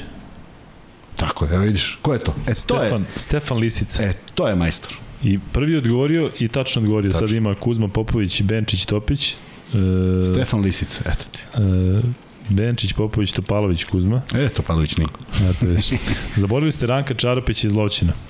Ne znam u čemu smo ga zaboravili, izuzetan igrač. možda Pa kad smo- naravno, kad pa smo ne možemo da Kad se toliko dobrih da. igrača. Ali to je mislim. Lov, Lovćan nije bio uh, Vujičić pet, 15-tica, pogađao trojke, u Podgorici Mugoša koji je bio neka trojka. Ma, bilo dobrih igrača. Vulje, mislim, a. Saša Ivanović, ma mislim, pričamo... Stefane, znaš kao je procedura, pošalješ ID e, na Instagram i uplatiti se na nalog. E, Treće pitanje za Popa, sada. o, evo samo da pitam ovo za Popa, ali idu pitanja mnogo brzo. Da li je čuo za čuvene baskete na Zelovom dok je igrao u borcu? Na Želovom. Pa da, evo. Dobro, da, to je kao da žel, naravno, naravno, naravno. Basketi Želo. napolju, tako? Pa napolju, da, Da, da, da. na želovom terenu. Pa oni, oni su boraci i žele su dva konkurentna kluba, znaš, ono, to je... E, sad ne znam da li je ovo e, šala, 4 puta 8 igrala Sloboda ili se zvala kao Barutana? Je Bila neka Barutana. Sloboda. Sloboda da. nije, koliko se... Iz Užica tada? Mislim da nije. Mislim da, možda i nije, nemam pojma, stvarno, ne mogu setiti. E, Davno je bilo. Kuzma, e, tri razloga zašto ne voliš Majka Jamesa. Tri razloga. Da. Pa vidi ovako. e, da krenem. Ajde, ajde. Vidi, e, ja jednostavno, evo, tu mi je, tu mi je saigrač bivši i zna koliko sam bio timski igrač i, i koliko je malo ljudi koji se, koji sebi mogu da dozvole da budu iznad sistema. On je uvek iznad sistema. Nekad će to da upali kada to prepozna Saša Obradović, nekad neće kada to neće da toleriše i Tudis. Ali, on je čovjek zaljubljen u sebe, na što ima pravo. Samo e, toliko puta donese pogrešnu odluku E, ne vidim da je prihvata, ne vidim da se menja, igra svoju igru i ja prosto takav tip igrača, ne Majka Jamesa, nego takav tip igrača nikad nisam imao u svom okruženju i drago mi je zbog toga. I onda samo posmatram košarku Dobro, drugačije. nije bilo ni toliko Amerikanaca. Nije bilo Amerikanaca, što imali su malo budala kod nas, pa i kod nas je bilo onih koji su volili samo sebe. Ali kada, recimo, kada uporediš Blacknija i Vajta, da li se recimo ti Amerikanci razlikuju od ovih danas? Po nečemu? No, Black nije, Black nije jedan igrač koji ne igra kao Amerikanac uopšte. Znači, to je mozak bio stvarno, znači, kompjuter, kompjuter u glavi. Tačno je znao šta igra, kad igra, kako igra, pri tom je sam individualno bio jako dobar, mogo je da, da reši, dodira pik dobro, dodira šut, sa šutem da završi. Tako da, ovaj, nije klasičan Amerikanac bio. Da. Igra je ko belac, E, Luka, ko da je naš. Ne, ozbiljno. e, Luka pita i Kuzmu, dobro, ovo ne mogu da pitam, ali ovo može pitanje za Kuzmu. Da li si bio deo generacije OKK Beograda koja je osvojila kup 1993. godine, pobediši. Partizan u Sremskoj Mitrovici? Nisam. On je E, imao sam povredu 7 dana pre i stavili su mi longetu i gledao si- sam na TV-u, ali da. sam dobio, ali sam bio jedan od glavnih protiv Spartaka. Jesi možda bio tamo? Ne, nisi, nisi, Nisam. nisi bio tamo. Tad je bio Ja sam, ovaj, ja sam tad igrao u borcu i čačke, mi smo isto, isto ili tu tako. završnicu, E, kao drugoligaši. Mi smo igrali protiv Spartaka utakmicu koja ide na Final Four, na taj, na, Da, na, da, na da, Sremsku da. Mitrovicu u Sremsku Mitrovicu i pobedili smo Spartak. I Šljivančanin i ja smo bili taj neki faktor pobede Šljiva. i čekamo, čekamo kup i ja povredim nogu i to je to. Gledao sam Ali na televiziji. da li si bio deo te generacije? A sam jeste, bio pa to da, je da, bilo. da, to je pitanje. Yes. E, pitanje je opet, e, nije sada ovde rečeno za koga, Tristan ili e, Smajlagić koji ima veću šansu da napravi nešto Partizanu. Maj. Da vidimo šta radi Tristan, te, ovo tek treba bude njegova sezona da, Da, se nije pokaže. čak ni uporedivo, mislim. Da, da Ma sada dobro, da pa i ova bavimo igra prvu sezonu. I ovo, šta ima, ovo mu je bila prva prava sezona, on nema Nije ništa tu čudno. Imaju potencijal obojica sigurno, ali Imamo stvarno dobre ovde poznavaoce košake. Čim mi nešto tako negde zapnemo, odmah javljaju. Jovanović ima dvojno državljanstvo, a koliko znam, opredelio se za Srbiju. E, pa to ne znam, da. Da, eto kažem, mi šta god ovde, evo recimo sad pitanje, e, ovo oko Jamesa se sada razvila priča, ja sam samo video kako se kretao rezultat Monako Asfalt peta utakmica i evo ovde sada Crni Grobar koji očigledno ima sve informacije na planeti kaže da je James kriv za, za, za to. Ja sam video, samo sam pratio rezultat, nisam pratio Pa tome- meč pričam, znaš. i oni su vodili nešto 15 pa su odjednom izgubili nešto, dali su 20 poena u posljednjoj četini. To sta, on konstantno radi. Dakle, oni sa, sa Tau keramikom ili kako se tada zvala Caja Labral, igrao četvrt finale, kanal. S Panatenikosom, sećaš se da je kanal CSKA, I on uvek dođe do te neke granice, više Monako, sad svi kažu kao da on je doveo Monako do, na utakmicu do, do Final Foura. I u suštini jeste. jeste. dobro. I je to domet? Ok, Ali- onda Mike James je dobar igrač, ako je to domet. I oni u Brooklynu... Ali ja više volim problem. ono koji donese nešto više, a ne mora da bude toliko zaljubljen u sebe. On je čovek šutnuo za CSKA loptu sa nekih nije trojka, nije dvojka, nešto, duga dvojka. I ostao u tom položaju, jer nije verovao da lopta nije ušla. Znači, ovako je stajao jedno 4 sekunde, jer on sad ne veruje da ta lopta nije u košu. Prvo je pogrešna odluka, odluka bila, a da ne ide na prodor, A pričaš o, dobro, da. A, da. mislim. Da. Tako da, e, ja stvarno, e, zaista sam srećan što sam u karijeri uglavnom igrao sa, sa zaista dobrim momcima. Ma dobro, on ne može da se kontroliše uopšte. Ne može, upravo to, ne može se kontroliše i neće se podrediti ne da kolektiv. Ne može da kontroliše niko. Samo možda uđeš u pakt neki snimak što je uradio Saša i ok, doneo mu je v- top 8, bez njega, bez njegovog kvaliteta sigurno ne bi, ali za veće uspehe, ja o tome pričam, za to je potreban neki igrač koji koji je bolji. E, Vanja, ti možeš tu da proveriš ove, kako stižu E, ovo. Ajde, molim te, vidi, Mladen Perić kaže, ne znam da li je do live ili kako već, ali mislim da sam odgovorio prvi tačno na prvo pitanje. Samo molim te, vidi, ako možda vratiš, da li je Mladen Perić je odgovorio tačno na A? E, pa, boga mi ima, vidiš da stiže ovaj da stiže. Mladen Perić kaže da je prvi odgovorio, pa samo obrati pažnju, prvo pitanje je bilo Kuzma, šta smo pitali prvo? E, Olivero i klubovi. Da. E, da, da ne bude da smo nekoga, da smo nekoga, zato što kažem ja ovde nisam, nisam tako video. E, idemo dalje sa pitanjima, zaista ima dosta, moramo da privodimo kraju zbog svih nas. Da. E, Oliver Popović je bio kao Larry Bird, mada je Bogosavljev bio McHale. Eto, koje pore, poređenje da. Bogosavlja sa McHaleom. E, Đorđe je igrao u CG u mlađim kategorijama, nigde nije bilo da se opredeli za Srbiju, stiže sada to. Ko je prvi? E, ja sam rekao, Mladen Perić kaže da je on. A ko je, koga si ti rekao? E, pa verovatno to koji je bio prvi. Stefan Jajo? Da, Pa nije Stefan prvi. Stefan prvi, dobro. Mladene, možda samo ti kasnije ili već šta. E, Luka piti Olivera kako je za njega bilo finale Euroligi.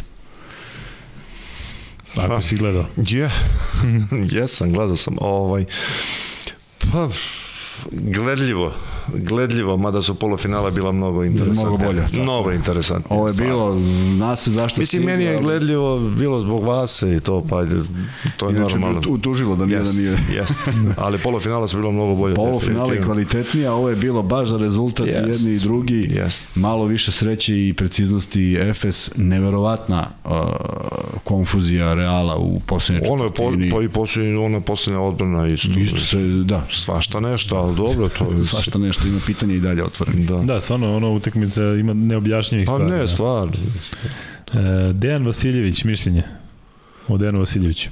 Dejan Vasiljević.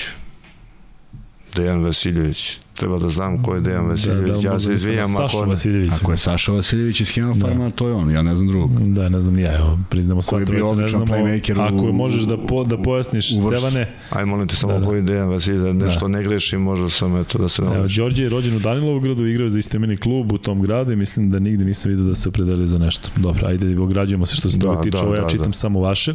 Ko će po vama imati bolju karijeru, Jović, Pokuševski ili Đurišić?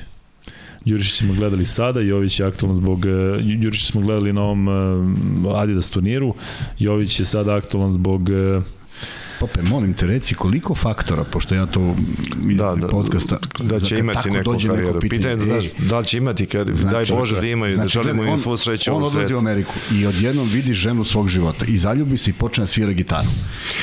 Pa kao onaj moj saigrač obra, Eto ovaj, Obrad Ignjatović svira klavir, Eto otišao u. Ameriku Eto. i 2-7 i svira, I svira klavir. klavir. Nikad To- se nije bavio košarkom. Dakle, to da. neko da odgovori. Pa to, to bi bilo divno kad bi to moglo na... Ali trenutno da, mislim, imaju svi po, po, jeste, dobru, imaju, dobru imaju šansu. dobru šansu. Tako. I Nikola je tu najmlađi, jel tako? Nikola je godinu dana mlađi od Jović, Đurišić. Da. Tako, ja sam da, u pravu. da, da. Jesam, ide onda, pa ne znam, Pokuševski koje godište.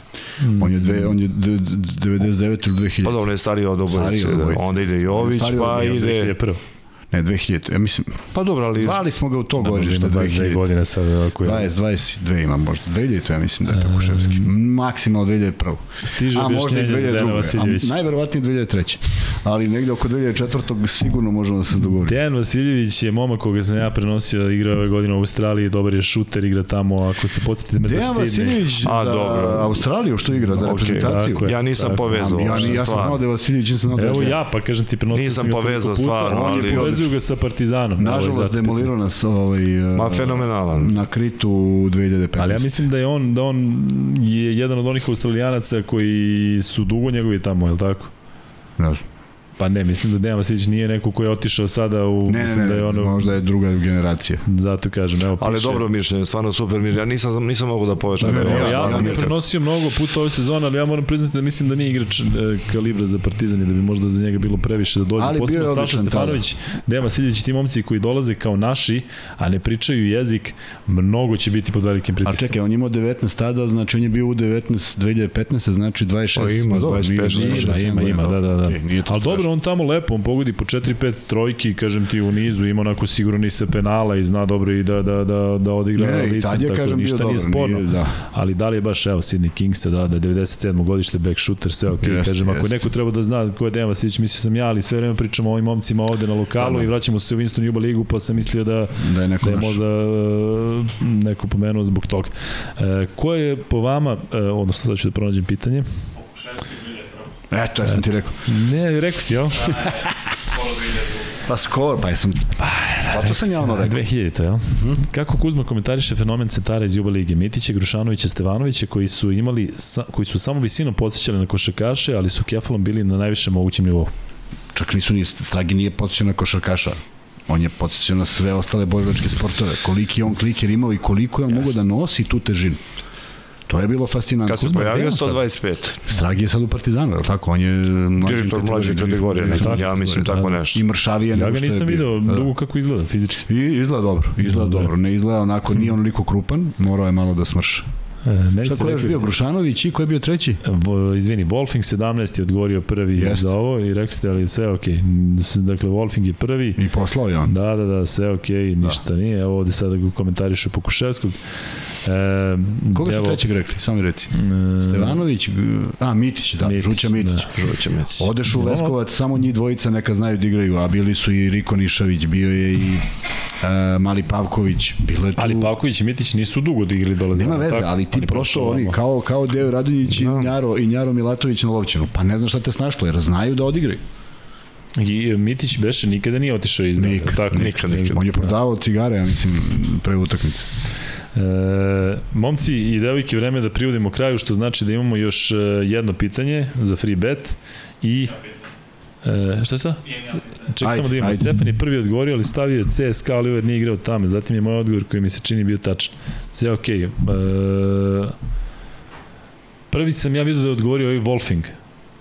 Ali ajde ovako ćemo. E, E, uopšte nije sporno. Ko se javio? Pa kažem ti, ne, ne možemo sad da vidimo ko se Nek javi. se javi, ko da- se javio, nek se jave. I Ma- imamo još jedno pitanje, neka bude četiri, nije sporno. Eto, kažem, nek bude četiri, Da, da, da. slobodno se javi Mladene i ti da Mladene, sad ne pravimo ovo. se, Mladene, da. javi se, verujemo, kažem i čak i da ne verujemo ti da hoćeš da ukradeš, Ma da, da, je nešto, da, nego je neka se verovatno javi, sve. da. E, ajmo, Vanja, sa pitanjem.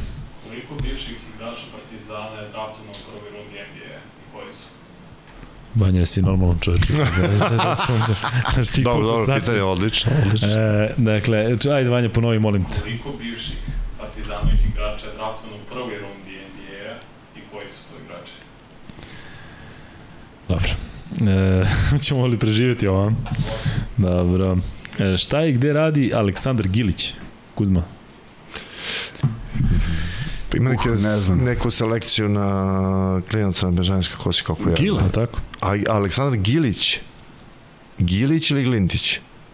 Gilić. A Ne Gilić, ne, ne, Gilić, Gilić. To ne znam, njega nisam vidio. dugo, da, da. A Glinta je radio kao trener. Ne, ne, da. pa jeste, ima neke klince, ima gore klinke, klince, Glinta, ja sam mislio Glint. E, Olivere javljaju ovde da ti ipak, da tvoja deca ipak idu na utakmice. Da se to vidi čak i na nekom Instagramu, evo to sad. Moja, ovde- moja dete, ja imam jedno dete, sina, a ovaj, ako ide, i ponekad ga vodim, da, kad nije gužva, ali ne mogu na derbi da ga vodim. Ne, ali O pa tome smo ovo- pričali. Onda je ovo ognjene, baš si omanuo. Luka kaže Oliveru da malo lagi da ne vodi decu na utakmice, a njegova ćerka kači istorije na Instagramu. A, Nemam će, imam Oliver, sina. Ognjene sad si promašio, sina. a inače imaš dobre, dobre, ovaj, e, dobre, dobre pitanja. E, možda, možda je neka Popović, ko zna koliko Popović ima A pa Instagramu. moguće, da, moguće da od brata ćerka. Ili Ali ja ti kažem jednu da. stvar, ja sam ovaj bio na, na nekim, u nekim forumima, nekim komentarima ovaj, da nema nama sreće dok, ja, dok sam ja u Savezu, to je bilo tri godine posle mog izlaska iz Saveza i ne znam, nisi ti video, i zato što guram sina u reprezentaciju, pojavio se neki Kuzmanović u, Aha, u misle da je tvoj. i svi su odmah zaključili da, je- da je moj sin. Da, pa to se od- odmah ide čim Genijalno, prezime. genijalno. Vanja, koji je odgovor stižu od odgovori? E, reci slobodno, zašto sigurno je među ovim odgovorima. Ja sam našao da je pet. Pet. Krstić, Di- Divac, Krstić, Veseli, Milutinov i Bogdan. E, Ivan Lazarević je odgovorio pet. Milutino, Veseli, Bogdan, Krstić, Divac. Je li tako? Vidi ga, Svaka to- čast, prati. Mhm. Čekaj, evo šest, neko je šest. Znači, Ja evo, ne znam da li je Pavlović bio, da, da li je igrao za Partizan kad je bio draftovan. Pavlović, Da. Zar nije igrao za budućnost tada? Kuzma, Ko? Jel Pavlović iz Partizana otišao u NBA ligu. Ili iz budućnosti? iz budućnosti. Ivane Lazareviću, pošalji nam ID tvoj, iako nije tačno, mi ćemo, e, da ovo. Nije Pavlović Pavlović sigurno. Pavlović je, nije on došao iz Budućnosti, otišao. Da, da, da. Petorici. E, Vanja, da pređemo kratko na, na, na NBA ligu i na ovaj draft u kom smo pričali mnogo, E, to je bilo iznenađenje. to, je to, je to? sad, sad će Kuzma da, da, da, Sad baguje, da A, će bacuje, da da. Pazi, ali što manje baguješ, to ćemo To da ćemo, dobro, ajde. tako da ti Ajde sad onda. vidi kako će i šta će. Ajde. Inače mi kada pa se tako raspričamo o NBA ligi, Kuzma oblači ovde maske, A, da. preslači se, pada u trans i ostalo. E, ali razumem ga, sve ga više razumem. Što sam stariji i što više gledam NBA ligu, sve ga više razumem. E, Bankero, e, ipak iznenađenje. Ajde, ti smo govorili o Džabariju kao prvom piku, ali... Ja sam govorio bankera. Ja, Ja, ja sam, ja sam bankera. pričao, e, da, jeste, ti si pomenuo, ali smo nekako ipak Džabarija negde videli tu Orlando, nekako smo ga vezali za Orlando. E, šta može Orlando sa njim? Ajde Šta vidimo. može Orlando s njim, može, Makero može bude prva opcija u napadu. Mislim da su ga zato i draftovali. Ajde, si vidio Da da je sad spreman da bude prva opcija. da je pričao da će da igra za Italiju. Super, još bolje. Da. To je bilo idealno. Mm, Jel ti je neko iznenađenje bilo na draftu, neko visoko plasiran ili nije? Mm, pa i nije iskreno, mislim da se Houston oduševio s ovime, što je Ivy što je bi otišao u Detroit, mislim to pun pogoda ko on i Cunningham, da igra zajedno i ovi što su tradovali na kraju Knicks, ja ne znam šta su radili. Ne, niko ne zna šta su To, neki ono. radili, vidiš da su izdali što saopštenja da se pravdaju. Da. Kao sad imamo ne znam koliko pikova, u narednih ne znam koliko draftova, dobro, super. Mislim, Vidi da se- super za Detroit, zato što Detroit, da. San Antonio i, i, i, i rekao bih Dobri Oklahoma, pošto ima mnogo pikova, su najbolji prošli. A Sacramento, ko je završio u Sacramento? Sacramento Uh, Keegan Murray. Je li ti to okej? Pa jest, uklapa se, on je najspremniji odmah da igra i može pokrije više Da. da. pozicije u odbrani i sasvim je efikasan poenter, tako da odlično se uklapa u Sabonisa i Foxa. E, pitanje za mm, za ovaj kako komentarišeš ovog malog Maturina koji je počeo da priča kako je bolje od LeBron Jamesa kako treba James šta da se čuva njega mene i sve. Da, Da, ali dobro, ja prema njemu sam ovaj, slab zato što imao tu neku tragediju, znaš da je nešto sa bratom bilo, da, da ga je izgazio auto dok je vozio bicikl i onda, znaš, ne mogu da gledam sad da ga osuđujem na bilo koji način, nekako Ma mi ne, kaže da sve to je... to... Pa e, kao i ovaj Marjon, kako se zove, bičem što ga je draftovao da. Milwaukee, što je krenuo od Jeste, nešto je krenuo, da. skoro. Jeste, jeste, jeste. E, ajde da pređemo sada na ovo što je aktualno u NBA ligi, a to je da se mnogo priča o odlasku Kairije i Kevina Duranta. Kako Negde piše da je Kyrie izabrao da ostane, Da, ali, negde, ali onda je on to demantovao pre 7 Jeste. minuta. Isto koji ovde, vidiš, samo objavljaju Non stop stiže, da. Ne, bukvalno je stiglo obaveštenje kao ono, izabrao je da je produži ugovor na još jedan, to je ono u- prihvatio ugovor I na- demantove. I sad je kao demantov Pa pre to 7 onda, to onda bije jedno drugo, ali, Ali u, do srede mora se odlučiti. da, i Lakersi su navodno jedini koji su zainteresovani za njega. Ali znaš šta bi meni bilo najbolje? Da Lakersi dovedu Karija i da pošalju Westbrooka vama. E, I onda Westbrook i Durant nek Nema se te. vole ovako u Brooklynu, kao, znaš, neku, neku Treći glume Kyrie novo. da potpiše ovaj ugovor o 6 miliona. Da, ali je um, nekako se sve više potencira ta priča oko Durenta u Portlandu. Znate, to je negde onako Meni je Iz zanimljivo. prvi Portland, ono što je pogrešio, mislim nije pogrešio, Greg Oden je bio stvarno tad Jeste. fenomenalan igrač, to Da povrede se su ga oduzele. Je Portland pogrešio kad je uzeo Sema Bowio preko Jeste. Jordana? Pa onda jeste, će jeste. pogrešiti. Konstantno greši. Kuzma vadi informacije iz NBA lige samo To ja samo, ja to sve Samo znam. 80 razumeš, samo, pokrio. Da, Da, da. 67. i 68. mi je jedino rupa. San Antonio i Atlanta pregovaraju oko trejda Dejonte Marija za Galinarija i neke pikove. Pa vidim da Dejonte nešto non stop šalju negde, meni je to potpuno nevjerojatno. I meni, mislim, to nema Pa smisla. ne kažem ti, evo nešto su ga već kao, evo sigurno i ovo, sigurno je ono, on čovjek Nema te, za mene biće u top 5. 21, 9, 8, 2 ukraden bio brv.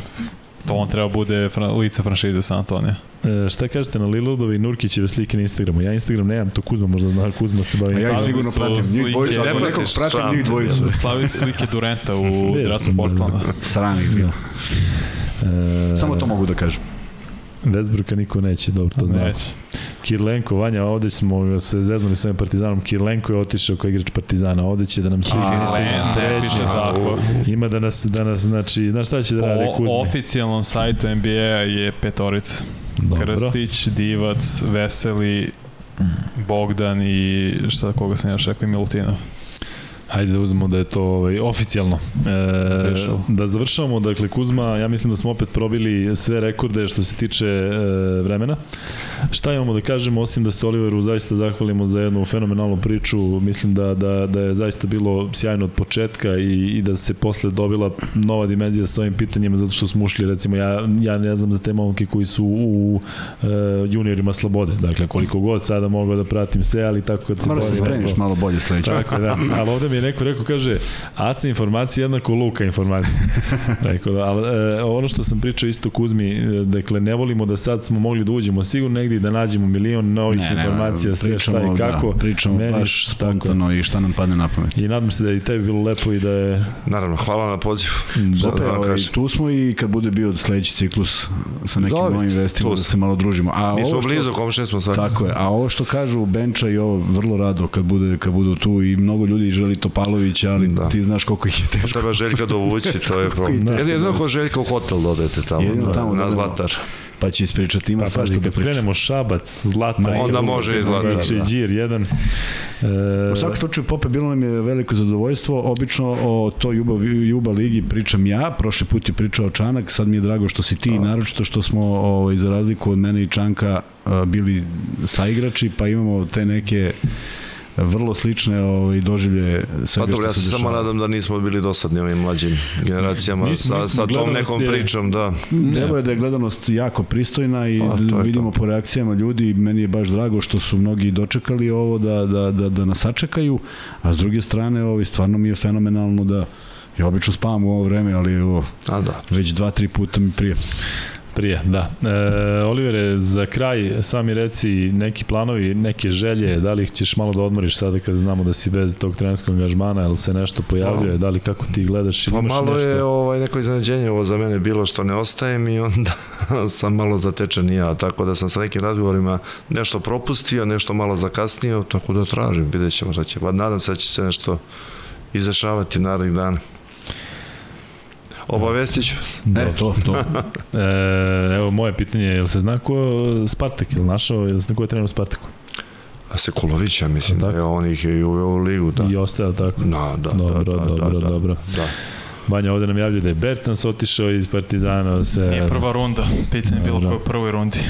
Jeste, jeste, jeste. Sad, sad, sad se Ukupno ovaj... je bilo 13 igrača. Sad ovi što su pitali, ovim ostali odgovaraju.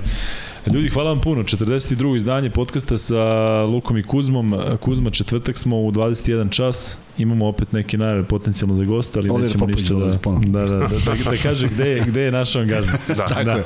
Posjetimo Lepo. emisiju o tome. Da, hvala vam što ste bili uz nas i vidimo se u četvrtak.